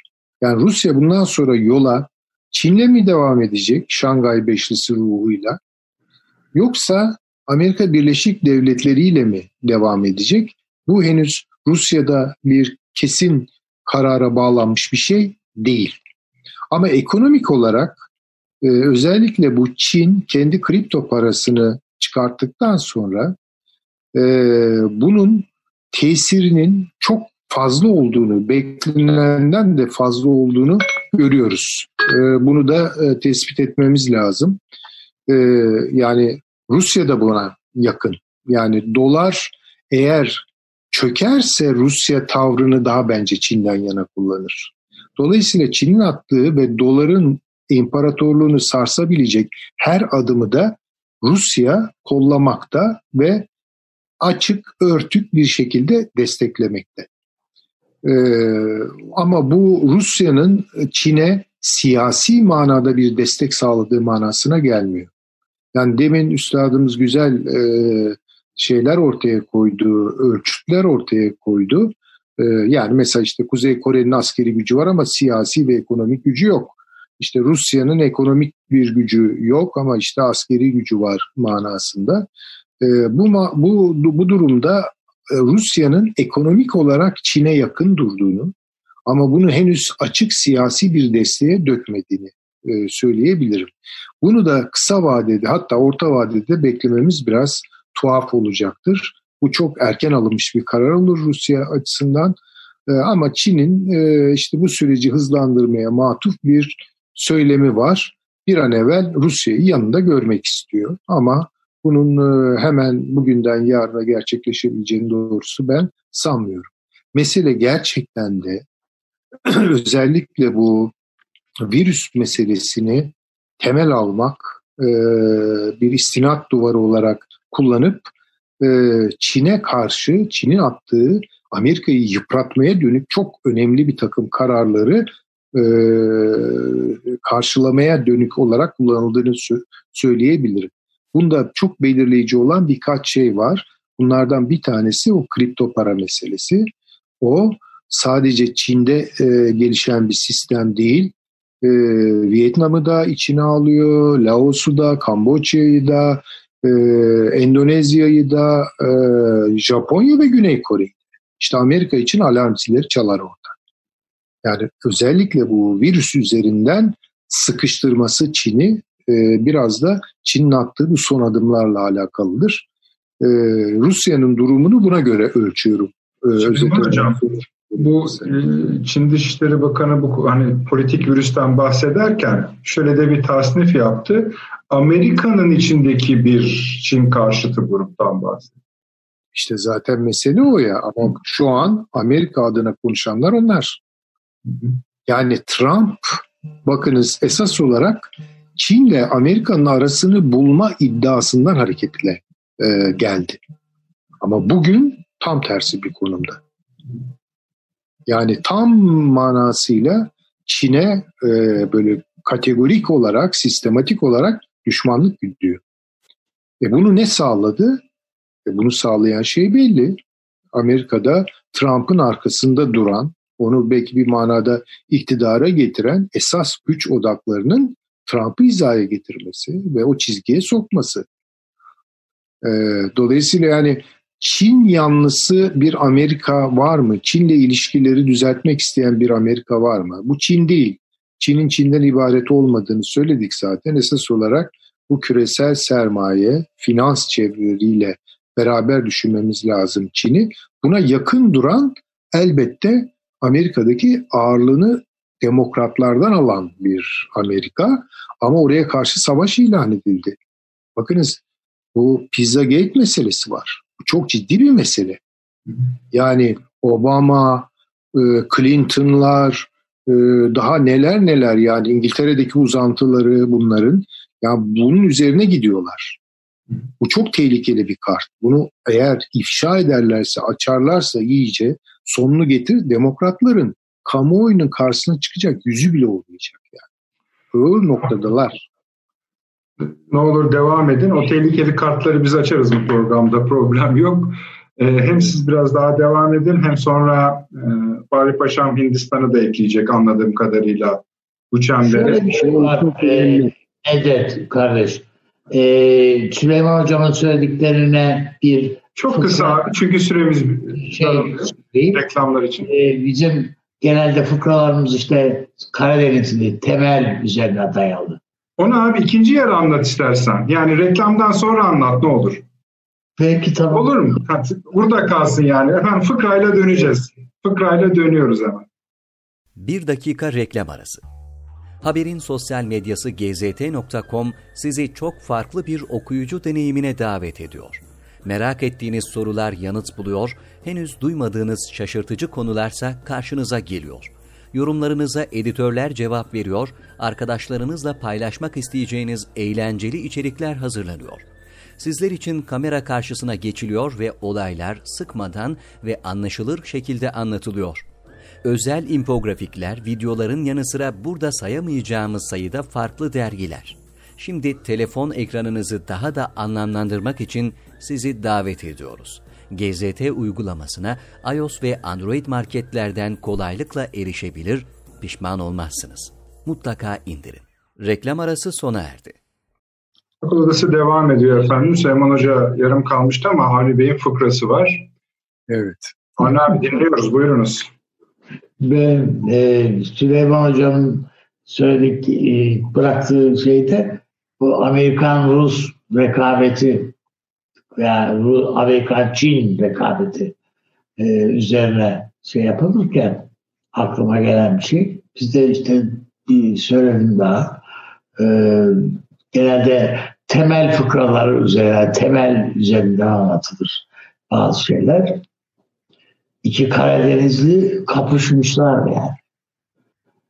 Biri diğerine kavga ederken diyormuş ki senin derini yüzüp o deriden davul yaptıracağım. Öbürü de diyor ki vücuduna almış kamayı eline vücuduna saplıyor. Sana o davulu çaldırırsam ben ne olayım? İşte anlaşılmıştır. yani Amerika'nın girdiği kavga böyle bir kavga. Peki. Süleyman Hocam tamamlamak isterseniz değil mi? Evet yani e, Rusya e, bu konuda siyasi olarak e, Çin yanında duracağına dair herhangi bir açıklama yapmıyor. Bundan da bence özellikle kaçındığını söyleyebiliriz. Çin'in durumu gerçekten kötü. Ee, nasıl çıkacak bu işin e, altından, e, kalkacak bu işin altından onu bilemiyorum. Çünkü e, Çin'i her açıdan istikrarsızlaştırmak için çok büyük adımlar atılıyor.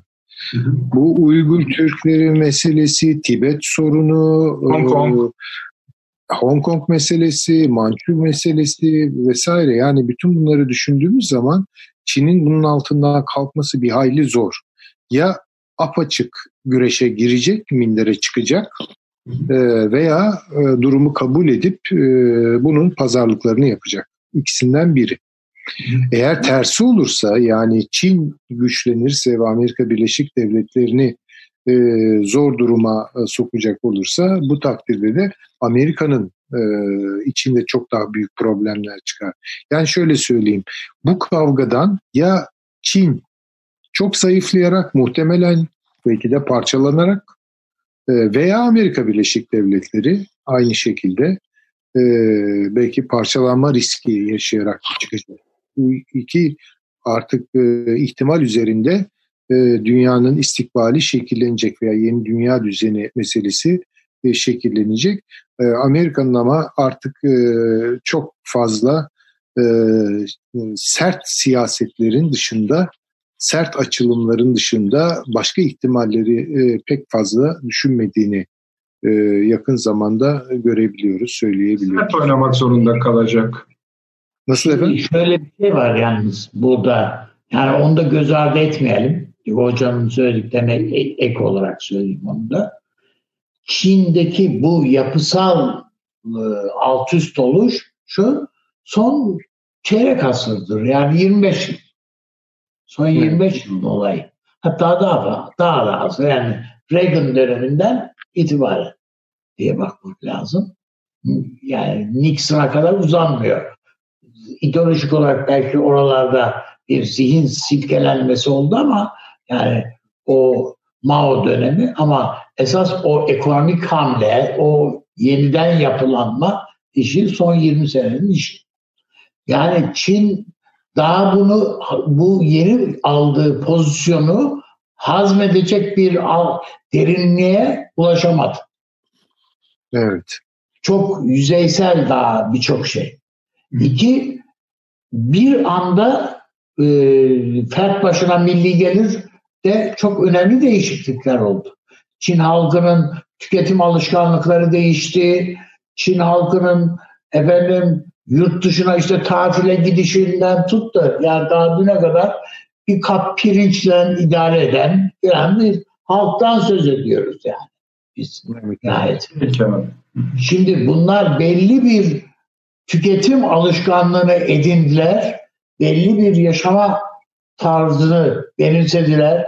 Çin'de pop müzik gelişti. Efendim işte gece kulüpleri, özel okullar, şunlar bunlar yani bir, bir, bir şeyler gelişti etti filan filan. Birdenbire eğer frene basarsa bu Çin tepe taklak olur yani. Evet. Onun için kolay değil yani Çin'in içinde Peki. oldu. Süleyman Hocam? Yani şöyle söyleyelim bu e, Beyaz Saray'ın son Çin raporu çok düşündürücü gerçekten. E, açık açık meydan okuyor, açık açık suçluyor ve Çin'i hakikaten bu dünyada itibar e, kazanabileceği bütün kaynaklardan mahrum bırakıyor. Süleyman Hocam o şöyle bir şey. Beyaz Saray'dan e, kongreye gönderileni söylüyorsunuz herhalde. Evet, evet, evet, evet. O Pentagon raporu. Pentagon raporu. Pentagon raporu ama bize bir onun belki bir ipucu vermesi gerekiyor. Evet yani, evet çok açık. Yani çok açık. Sen diyor adam olmazsın. Yani otoriter bir yönetimin var. Bu çok büyük bir kredi kaybı. Yani daha evvel biz bunun üzerine hiç durmuyorduk. Bir Çin mucizesi konuşuluyor ama bunun siyasi arka planı geçiştiriliyordu. Aynı şeye bakın Güney Kore için geçerlidir. O bütün Pasifik'teki ekonomik mucizelerin arkasında çok otoriter yönetimler var. Bu bugüne kadar sorun olmuyordu. Ama şimdi artık sorun ediyor bunu. Bu şu demektir. Amerika'nın gözünde Çin'in kıymeti harbiyesi yoktur artık. Yani sen diyor e, otoriter bir yönetime sahipsin. Bir türlü demokratikleşemiyorsun. Bir türlü açık rejim oluşturamıyorsun. Sen hırsızsın diyor. Yani sen benden diyor teknoloji çalıyorsun utanmadan diyor. Hakikaten bu endüstriyel hırsızlıklar, teknoloji hırsızlıkları falan Çin'de son derece olan şeyler falan. Ee, ve e, bir de diyor bu dünyanın başına korona denilen bir virüsü diyor musallat ettin diyor, suçluyor. Yani bu açık kapı bırakmıyor Çin'e. Çin bunun neyin müzakeresini yapacak onu da bilmiyorum doğrusu. Yani yapmayacak muhtemelen. Başka da şansı yok gibi gözüküyor. Yani. Tabii yok. Ve e, bakın Çin elindeki e, tahvilleri satmaya kalktı alıcı bulamadı. Ya böyle de bir çıkmazın içerisinde Çin. Şimdi tabii buna ne cevap verecek onu bilemiyorum. Çin'le ilişki, yani bırakın Çin'i, Çin'le ilişki kuran her yere saldırıyor Amerika Birleşik Devletleri. Yani bu yarın Pakistan'ın başına çok büyük iş açacak. Bu bakın İsrail'in başına iş açtı. Ha, İsrail şu an e, hala bildiği yolda gidiyor. En azından şimdiki yönetim Çin'e yakın duruyor. Ama yarın e, orada ne olur onu bilmiyoruz. Yani ne kadar Çin'le ilişki kuran e, ülke, çevre vesaire varsa onlara ağır cezalar veriyor. E şimdi e, böyle bir tabloda Rusya'nın hemen vaziyet alıp Çin'in yanında yer almasını bekleyemeyiz. Yani Rusya'nın öyle bir şeyi yok e, henüz. E, öyle bir adımı da yok. E, işte Çin bunu tamir etmeye çalışıyor ama Çin'in bunda başarılı olabileceğini de ben hiç zannetmiyorum. Çünkü Çin kendisini bu dünyada sempatik gösterebilecek hiçbir şey yapmadı. Üstadın dediği doğru bir orta sınıfı şişti ama yani oradan bir kültür doğmadı. Çin'i karakterize edecek bir şey doğmadı. Çin orta sınıfları, zenginleşen orta sınıfları kendilerine Amerikanize bir hayat seçtiler zaten. Yani kültürel olarak Amerikan hegemonyasının içine girdiler yani. Yani buna dolayısıyla ne kültürel olarak, ne siyasal olarak, ne de ekonomik olarak hali hazırda cevap verebilecek bir durumda değil Çin. Göreceğiz. Takibi bence muhtaç bir Hocam mesele. oradan bahis ettik onu ben bir söyleyeyim. Ben ona, o rapora biraz baktım. Onun tam ismi ABD'nin Çin'e yönelik stratejik yaklaşımı isimli bir rapor bu. E, kongreye sunuldu. Daha doğrusu Pentagon hazırladı. Beyaz Saray'a gönderdi. Evet. Beyaz Saray kamuoyuna duyurup kongreye duyurdu. Oradan bir şey gelecek. Şimdi evet. onun özetini şöyle yapabilirim ben uygun görürseniz. Bir, Çin mevcut dünya düzenini kullanarak düzeni kendi ideolojisiyle şekillendirip yeniden kurmaya çalışıyor. Tabii tabii. ABD Çin'in mevcut dünya düzenini zayıflatmasına göz yumamaz. Üç, ABD prensipli realizm stratejisi çerçevesinde Çin Komünist Partisi'nin meydan okumasına yanıt vermelidir. Kaynağımı da söyleyeyim. Bu özeti yapan sevgili Mehmet Ali Güller, Cumhuriyet Gazetesi'ndeki köşesinde dış politika yazarı. O yapmış. Şimdi burada tabii şöyle bir şey var. Onu da belki not düşmemiz gerekiyor. Ee, Çin demiyor Amerika Birleşik Devletleri. Sürekli Çin Komünist Partisi diyor. Böylece ekonomik, siyasal kırılma, ekonomik kırılmaların yanında bir ideolojik kırılma da arıyor anladığım kadarıyla. Cephe de oluşturmaya çalışıyor. O raporu tabii e, biraz şey de yapmak lazım diye düşünüyorum. Hani e, bu dışarıda bayağı yankı buldu. E, acaba Beyaz Saray'ın içinde buna itiraz edenler var mıdır? Bundan memnun olmayanlar diye düşünüyorum. Valla e, canına Ama susamış bir konu isterseniz hiç girmeyelim yani. Hayır, canına susamış varsa konuşur. Peki, eyvallah. Yani, tablo yani. Tamam, teşekkür ediyorum Süleyman Hocam. Ama Amerika'nın kırılganlıklarına da e, seçime doğru kırılganlığı diyeyim ben ona. Çünkü mesela hafta sonu New York Times e, inanılmaz bir kapakla çıktı. Ona da nasıl artık müsaade edildi. Yani, yani müsaade eden kastım şu. Yayın yönetimi iyi bir şeyi göze almış. Bütün 100 bin kaybı yani e, bu virüs nedeniyle 100 bininden fazla insan hayatını kaybetmiş durumda. Hepsinin isimlerini bastılar gazeteye. Birinci sayfa zaten onların isimleri, içinde de devamı var. Bu biraz da bir seçimle de ilgili gibi gözüküyor. Ee, ama hani abi demişti ya işte bir virüste darmadağın edebiliyor. Bakalım nasıl olacak. E, evet. Zaten Amerikan, Amerikan seçimlerinde bu virüs meselesi çok taraflı kullanılacak. Bunu Trump muhalifleri şöyle kullanacaklar. Sen bu süreci yönetemedin, bu kadar insanın ölümüne sebep oldun. Trump ise şunu söyleyecek. Bu sürecin e, mesulü ben değilim. Bu Çin'in meselesidir. Yani bir dış tehlikedir Amerika için. Dolayısıyla Amerikan kamuoyunun buna karşı benim yanımda saf tutması lazım diyecek. Yani böyle adeta pimpon topu gibi masanın iki tarafında o top sekecek, virüs topu sekecek. Bunu göreceğiz. Peki hocam. Fahri Paşam buyurunuz. Bu sefer yani Hindistan'a yani, katarak şöyle, anlatmanız gerekecek. Evet, e, Çin e, Çin'de evvelsi gün yayınlanan bir yazıda e, Çin yetkililere soruyorlar kim seçilmesi size uygundur? Trump diyorlar. Niye?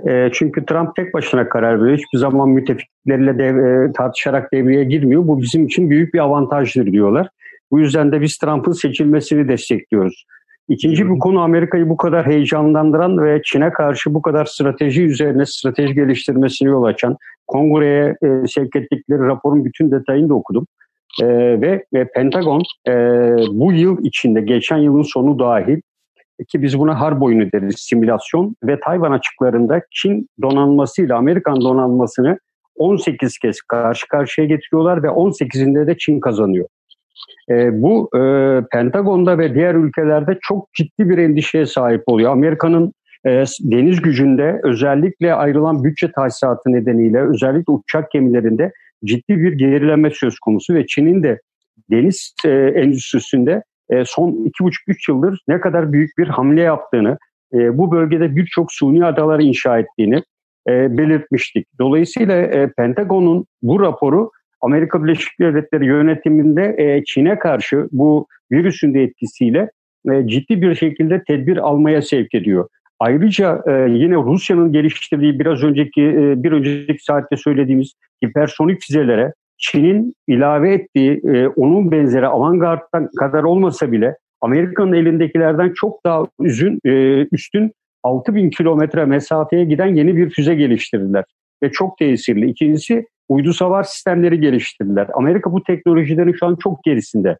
Ve Amerika e, bu teknolojilerle birlikte Çin'in özellikle bu virüs sırasında düştüğü ekonomik boşluktan yararlanarak bir şeyler yapmaya çalışıyor. Hatta yeni bir makale daha var. Biz işte Afrika'da savaş olur falan diyorduk ama bundan sonraki savaş Waterloo ve Stalingrad'da değil Asya kıtasında olacak. Yani bunu e, yine Amerika bir yerde başlatacaktır diyor.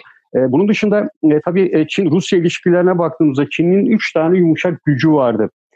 tek yol, tek kuşak bunu bakmıştık. İkincisi krediler. Afrika'da ve değişik ülkelere açtığı krediler. Üçüncüsü Konfüçyüs enstitüleri. Biz esasında bunu çok fazla konuşmadık ama Çin'in yumuşak gücünün en önemli etkisiydi. Yani şimdi düşünebiliyor musunuz? Afrika'da 90'ın üstünde enstitü açmışlar. Sadece İngiltere'de 29 enstitüleri var ve bunun 23 tanesi Amerika'nın en ünlü üniversitelerinde açılmış. E, Amerika'da e, 103'ün bir kısmı bu, bu yıl içinde kapanmaya başladı bu virüs salgınından sonra. E, ve e, Afrika'daki toplam 43 ülkede 65 enstitüleri var. Ve bugüne kadar 2 milyonun üstünde insana Çince öğretmişler. E, şu anda ama Stockholm Üniversitesi vesaire gibi üniversiteler özellikle teknik bölümlerinde e, olan e, Çince öğrenmeleri e, proje çalma vesaire gibi gerekçelerle Çince öğrenmeyi yasaklıyorlar. Enstitü kuruluşunu kapatıyorlar. Örneğin e, İsviçre e, ilk kez e, Avrupa'da enstitüyü kapattı. Ve Konfüçyüs enstitülerinde Amerika, e, İngiltere ve e, Avrupa'nın bazı ülkelerinde geriye doğru bitileme var. Yani bu virüs salgınıyla birlikte e, başlayan bir konu. İkincisi kredi konusunda ve e, geçen gün e, yine Çin Komünist Partisi toplandı ve virüs salgınının e, Çin ekonomisine e, ekonomik e, anlamda etkileri ve şunu ortaya koydular. E, bu salgının dünya küresel ekonomide %12 e, bir gelir kaybına yol açacağı. Bu gelir kaybının da Çin'in yapacağı ihracatı da çok olumsuz etkileyeceğini ifade etti. O yüzden dışa yönelik kredi vermek ve dışa yönelik olan projeleri durdurarak öncelikle Çin'in bütünlüğünü ve Çin içerisinde karantina nedeniyle 5 milyona yakın işsiz kalan insana istihdam yaratmaya öncelik verecekleri, tabii bunun değerlendirmesinde de tek yol tek kuşak üzerinde çok sayıda firma, e, Çin'in verdiği kredilere bağlı iş yapan, proje yapan firmaların da iflas noktasına geleceğini söylüyorlar. E, dolayısıyla Çin e, bu konuda ki Amerika için de benzeri ifade var. Yani Amerika şu anda kendi sınırları içerisine doğru ekonomik anlamda düzelebilmek için çekilme sürecinde. Dışarıda rakiplerin ne yapacağına bakıyor diyorlar. Buna da farklı bir strateji e, ismi veriyorlar. Hatta sanal düşmanlarla mücadele edeceğimiz bir dönem e, ismi de veriyor. Ve dünyadaki diğer rakiplerinin ne yapacağını ve o boşlukları görmeye çalışıyor. Stratejisi de e, esasında buna e, hizmet ediyor. Ve bu arada Çin'le ilgili olarak tabii e, Rusya-Çin ilişkilerindeki e, bu e, sıcaklaşmanın en önemli nedeni Çin'in özellikle bu dönemde yine de çarklarını döndürmek için üç noktadan petrol ihtiyacını karşılıyor. Suudi Arabistan, İran ve Rusya. Biliyorsunuz Rusya'nın kuzeyinde 3000 kilometre mesafeli ve bir Sibirya'nın gücü adı altında bir doğalgaz boru hattı döşendi. Ee, İran'ın yine e, güney sahillerinde yaklaşık bin kilometrelik bir alan e, Çin'in e, üretim yapması, rafine kurması için 2016 yılında yapılan anlaşmayla İran tarafından e, Çin'e tahsis edildi. E, dolayısıyla Çin'in e, günlük e, petrol ihtiyacını sağlamakta herhangi bir endişesi yok. Daha evvel dedik Aden Körfezi'nde kendine göre yeterli ama Pentagon'un yaptığı son verilerde Çin'in bu bölgelere de giderek bir etkisinin hissedilmeye başlandığını söylüyor. Amerika'nın Pentagon raporları bunu ifade ediyor ve deniz kuvvetlerinde Amerika'nın ciddi bir gerileme var. Bu da bütçenin yetersizliğiyle e, bağdaştırılıyor. E, ve Rusya e, Kuril Adaları meselesiyle Japonya'ya e, aralarında sorunlar var. Buna rağmen e, Çin'den her zaman için endişe duyuyor. Biliyorsunuz uzak doğuda e, Çin nüfusu Rusya ile yer değiştiriyor. Yani Çin'den fazla olan nüfus e, Rusya'nın azalan nüfusunun ilçelerine, illerine, köylerine yerleşmeye başladılar. E, bunda Rusya'yı buna sevk eden en büyük neden biraz evvel ifade ettiğim 123 milyon dolarlık bu ülke açık. Suudi Arabistan'la birlikte e, Rusya günlük petrol e, üretimini 10 milyon varil kıstılar. Ama bu e, Brent petrolün 30 dolardan 35 dolardan fazla çıkmasına yol açmadı. Onlar için hedef 45-50 dolar civarıydı. Suudi Arabistan 1 milyon e, adet daha yine üretim kısacağını açıkladı. Ama bu da çare olmadı. Yani Rusya ekonomik anlamda e, şu anda e, ciddi anlamda gider. Yani Rusya dünyanın zaten gayri safi milli hasılasının %2'sini karşılıyor. Ekonomik anlamda e, çok fazla yeterli bir ülke değil.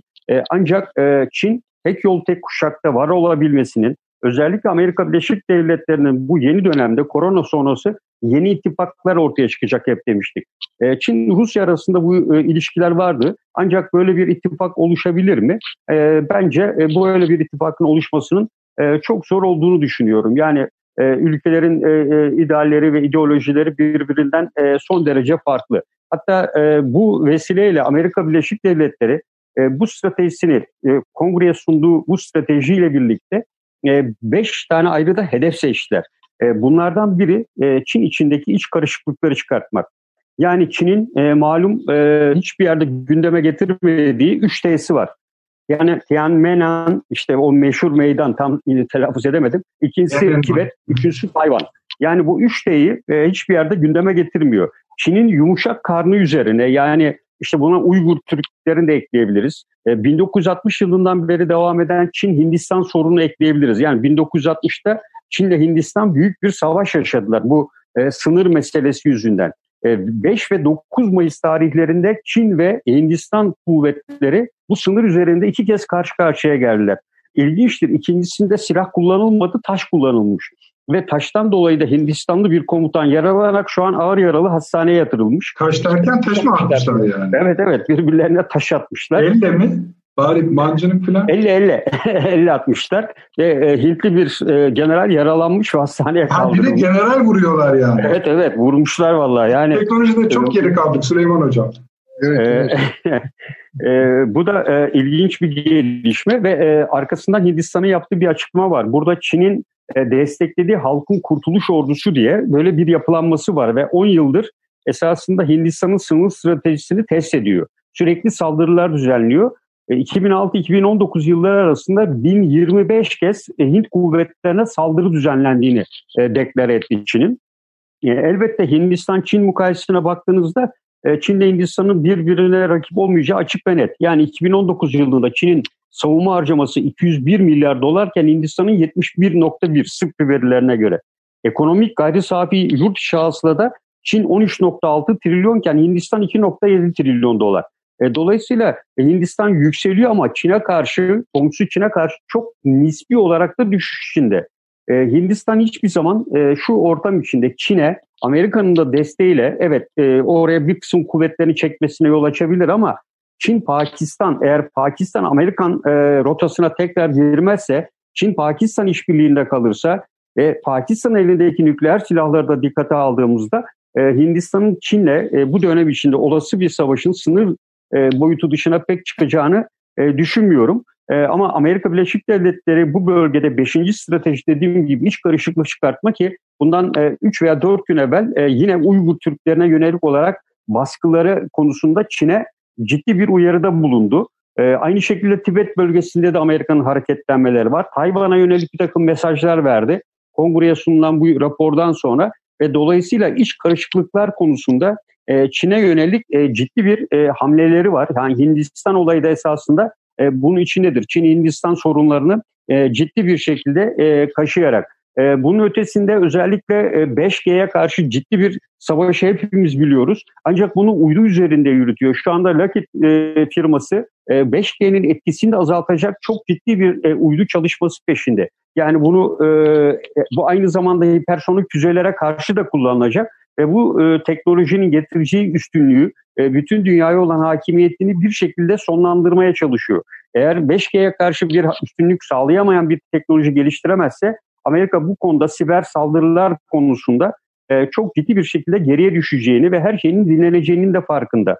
E, dolayısıyla Amerika'yı e, bu son dönem içinde bu kadar hareketlendiren konu e, esas itibarıyla e, Pentagon'un e, Amerikan askeri gücündeki nispi azalmanın e, ve ki bununla ilgili geçen yılda çok önemli raporlar vardı. Amerikan askeri gücü e, eski günlerini aratıyor diye e, ve Amerika'da yeni bir strateji belirlemeye başladı şu anda. E, dünyada e, genel anlamıyla büyük noktalardan değil, stratejik işbirliklerini kesmek üzerine odaklı yeni bir askeri strateji peşinde. Yani e, ülkeler arası ortaklıkları veya bir e, ülkenin kaynak açısından bağımlı olduğu bir ülkeyle ilişkilerini kesmek gibi daha kesin noktasal e, askeri hedefler üzerine yönelmek, bölgesel olaylardan olabildiği kadar uzak kalmak. Bu virüs saldırısı sonucu yeni belirlemiş olduğu bir strateji. E, tabii bunu... E, Mesela nasıl bir örnek görebilirsiniz? E, e, bunda en güzel örnek özellikle Pakistan özelinde verebiliriz. Yani bugün Pakistan'ın malum günde ortalama bundan bir yıl evvel 4 saat elektrik kesintisi vardı. Yani başkent Karachi dahil olmak üzere e, bütün şehirde Çin'in buraya sağladığı destekle elektrik kesintisi bir ölçüde önlendi ama ciddi bir şekilde önlenemedi.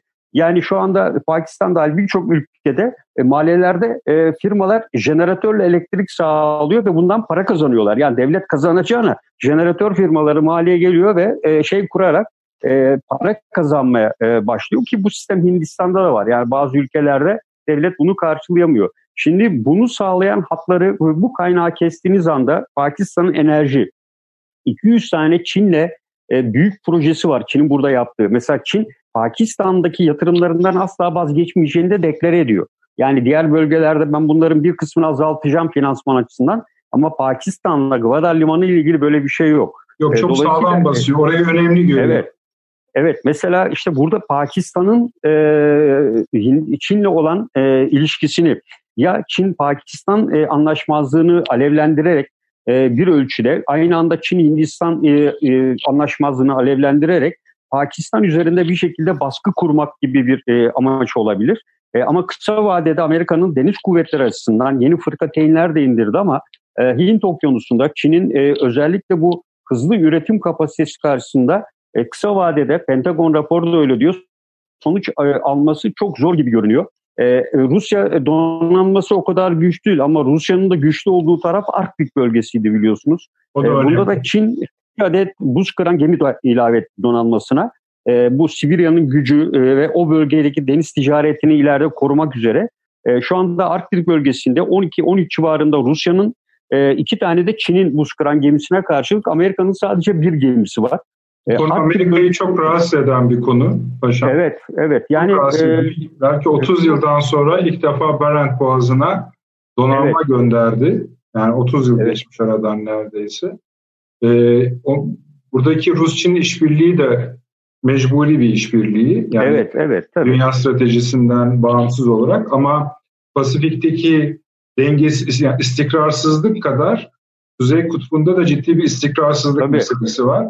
İşte bunlar bize uzak konulardır her zaman ama e, bir de bu şeyi ekleyeyim, katkı yapayım size paşam. Bu bu Süleyman Hoca'nın temel konularından birine de değiniyor ama e, bu Huawei meselesi, 5G meselesi. Bu geçen gün yani iki gün olmadı herhalde Telegraf gazetesi İngiltere'de e, şöyle bir başlıkla çıktı. Boris Johnson salgın nedeniyle Huawei'in ülkenin 5G altyapısındaki rolünü sıfıra indirgemeye hazırlanıyor. İki yıl içinde bu bitecek deniyor. Bu çok ilginç bir e, doğruysa yani bu bir iddia gazetenin. İngiltereli bir astrofizikçi var meşhur yani Piers Lowrin diye. salgın ile 5G arasında kesin bir bağ olduğunu ifade ediyor. Yani dolayısıyla bir de İsviçre'de korona asileri diye bir grup var. Hatta bunlardan bir kardiyolog Binder silahlı mücadele çağrısı yaptı. Yani Çin'e karşı. E, gözetim altına alındı e, iki gün önce. E, 5G'ye karşı 5G diyor topluma darbe yapıyor diyor. Bütün topluma. Şu anda bu işler beni biraz şüphelendirmeye başladı yalnız paşam. Evet. Yani bu, bu şimdi bakın Hani bana sorarsanız hani başlık şöyle ya Barış Johnson salgın nedeniyle 5G altyapısını evet. sıfıra indirmeye bu salgın diye kastettiği İngiltere'deki koronavirüsün genel yayılımı mı yoksa bizatihi hastalanan Johnson mı? Evet, hastalanan yani Johnson. bile yani. şüpheliyim yani bu konularda açık evet, söyleyeyim. Evet, evet. Ee, ben de öyle Johnson'ın hastalanması da dahil. Ee, bunun gibi yani İsviçre gibi bir ülkede silahlı mücadele çağrısı yapıyor. Üstelik eğitimli birisi yani bu kardiyolog birisi ve etrafına da adam da topluyor. Yani bu 5G ve Çinlilerin e, terörist olduklarını e, ve bunların önlenmesi gerektiğini söylüyor. Peki. Hocam zaten şöyle bir durum var. Yani e, işte bu salatalık deyince elinde tuzlukla koşuyor İngilizler. Geçmişte de yaptılar. Bunu. Evet. Peki abi abi. Şimdi sadede gelelim. Bunlar iyi güzel de e, Türkiye burada nereyiz? Bak hiç Avrupa falan konuşulmuyor kaç zamandır. Ha, hiç yok yani ortada. Evet. Şimdi biz bir biz de bir tercihe sürükleneceğiz. Kendi planımız var. Uyguluyoruz. En güzeli de odur. Allah mahcup etmesin ülkemizi. Ama e, bir tercihe zorlanacak gibiyiz. Ne gibi? İşte bu oyuncular arasında diyorum. Yani Türkiye'nin tercihi belli. Yani burada öyle Çin'den yana bir tercih kullanmak diye bir şeyi yok zaten Türkiye'nin. O olmaz. Ee, esas yani e, işte Trump'la falan görüşmelerin ben olumlu geçtiğini düşünüyorum. Ee, Avrupa ile yapılan temaslarda da yani Türkiye'deki bir takım geçmişe geçmişte çok fazlaydı. İşte Türkiye'ye dönük işte bir takım demokratikleşme sürecine ilişkin, şuna buna ilişkin şikayetler, bağırışlar, çağrışlar falan. Şimdi e, Avrupa'nın her yerinde bu tür müdahaleci anlayışlar falan çok tırmandığı için Türkiye'nin tavrı veya duruşu göze batmama pek fazla başladı. Bu bir. İki, Türkiye e, bu korona dolayısıyla bir diplomasi de sürdürdü. Yani çeşitli ülkelere kimine maske gönderdi, kimisine işte bu solunum cihazları filan suni solunum cihazlarını gönderdi, hibe etti. Te- teşekkürler, şunlar bunlar alındı. E, Suriye konusunda Türkiye'nin tavrı da e, bu siyaseti birçok yerde destek görmeye başladı giderek. Aynı şey Irak için de geçerli. O bakımdan yani Türkiye'nin pozisyonu iyi. Türkiye kendi içini tahkim edebilirse şayet. Nasıl? Yani biz yani çok fazla e, yani gereksiz, süf böyle çok e, detayda kaybolan e, anlamsız bir takım tartışmalar var yani. İşte mesela yani daha ne bileyim işte e, bizim diyelim ki Cumhurbaşkanlığı İletim, İletişim Başkanı'nın e, bahçesine e, mangal yapıp yapmadığı dahil. Yani bunlar Türkiye gündeminin birinci maddeleri haline geldi. Efendim işte e, belediyeler para toplasın, toplanmasın filan. Toplasın, toplamasın. Ya bütün bunlar da varana kadar yani Türkiye çok böyle detayda kalan konular üzerinde e, enerji kaybediyor diye. Patinaj çekiyor diyorsunuz. İkincisi işte bir, bir çıkıyor Arası mesela diyelim ki Sayın Kılıçdaroğlu diyor ki biz ödünç milletvekili verebiliriz diyor yani. Hadi parti olur muydu da olmaz mıydı da işte erken seçim için mi bu? Zaten seçim vakti de değil filan. Ama belli ki bir kabarma bir şey var yani oluyor bu alanda ki e, Sayın Bahçeli e, bayramın Arife günü bir açıklama yaptı veya bayramın birinci günü bir açıklama yaptı ve Dedi ki yani hemen bu ıı, tatilin hemen akabinde anayasa değişikliği de dahil olmak üzere çünkü gündemde gelen bu ıı, milletvekili ıı, şeyi de, değişiklikleri oradan oraya milletvekili geçmesi filan anayasada da veya bunun engellenmesi anayasa değişikliğini gerektirebilen bir şey o durum. E, hemen bu işe bir bakalım dedi. AK Parti zaten buna de, destek verdi. Açık yani görünen o. Dolayısıyla yani Türkiye'nin önce o e, şu şey e, başkanlık sistemini tahkim edecek. O Cumhur İttifakı'nın işte dediklerini, şunların bu konuda e, e, Cumhurbaşkanlığında yapılmış bir çalışma da var yani işin gerçeği. Yani bir tek bu milletvekili transferiyle alakalı yapılmaz ona anayasa değişikliği. Başka birkaç noktaya daha herhalde e, değinilebilir. E, bunları ta- tahkim edecek diye düşünüyorum ben. Ve e, bu kadar fazla seçim tartışması e, yani 2023'te Türkiye seçime gidecek diye düşünürken şimdi televizyonlara bakın iki tartışmadan bir tanesi seçim olur mu? Ne olur? Efendim şu anda filancanın oyuna kadar, AK Parti'nin oyuna kadar, ünlüne kadar şu filanca ile Erdoğan karşı karşıya gelirse son tahlilde e, Erdoğan yüzde kaçla kazanır? veya şu bu nasıl oldu? Bu, bu tartışmalar. E şimdi bu ister istemez ülkedeki yani ekonomik faaliyeti yani yatırım mı yapacaksınız ülkede? E, tamam. Durumu görmeye çalışırsanız zihinlerde bir bulanıklık meydana getirebilir. Onun için Türkiye'nin iç istikrar yani muhalefetinin de iktidarının da böyle bir e, bulanıklıktan Muhalefetin tabii bir rahatsızlığı ol, olmadığı anlaşılıyor zaten. Ama e, iktidar partisi olarak AK, AK Parti'nin herhalde bir e, netlik tablosuna ihtiyacı var. Nitekim e, bayram bir Arife günü e, Cumhurbaşkanımız dedi ki biz artık sahaya iniyoruz. Halka anlatacağız ne yapacağımız. Veya şikayetimizi, derdimizi halka anlatacağız. E şimdi sahaya iniyoruz demek e, mitingler, e, ufak e, baya yani kalabalık bir takım toplantılar, şunlar bunlardır. E, bütün e, il il geziler e, yapılacak bir takım çalışmalardır. E, bunlar küçümsenecek şeyler değil siyasete. Ben e, iç politikada biraz sıcak bir e, şey. Evet yaz zaten sıcağa geliyor da ama onun ötesinde de e, bir haliyle hararetli bir döneme girdiğimizi düşünüyorum. E, Cumhuriyet Halk Partisi'nin bütün çabası mesela görüyorum. Bu e, Millet İttifakı'nı koruyabilmek. Yani bu yapıyı, onun bileşenlerini ne pozisyonlarını muhafaza edelim amana diye bu, bu şey falan.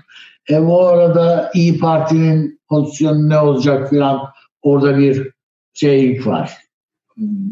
Git gel var. Ne olabilir diye işte HDP'nin durum buydu, şuydu buydu falan. Bunların hepsinin önümüzdeki dönem Türkiye'nin gündeminin e, evet dış politika tabiatıyla. Bu bir devlet siyaseti dış politikada.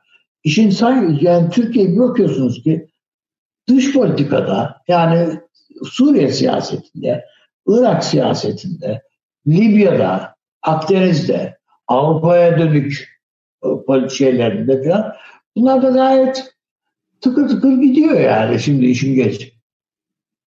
İçeride niye böyle tökezlemeler var? İşte problem burada belki.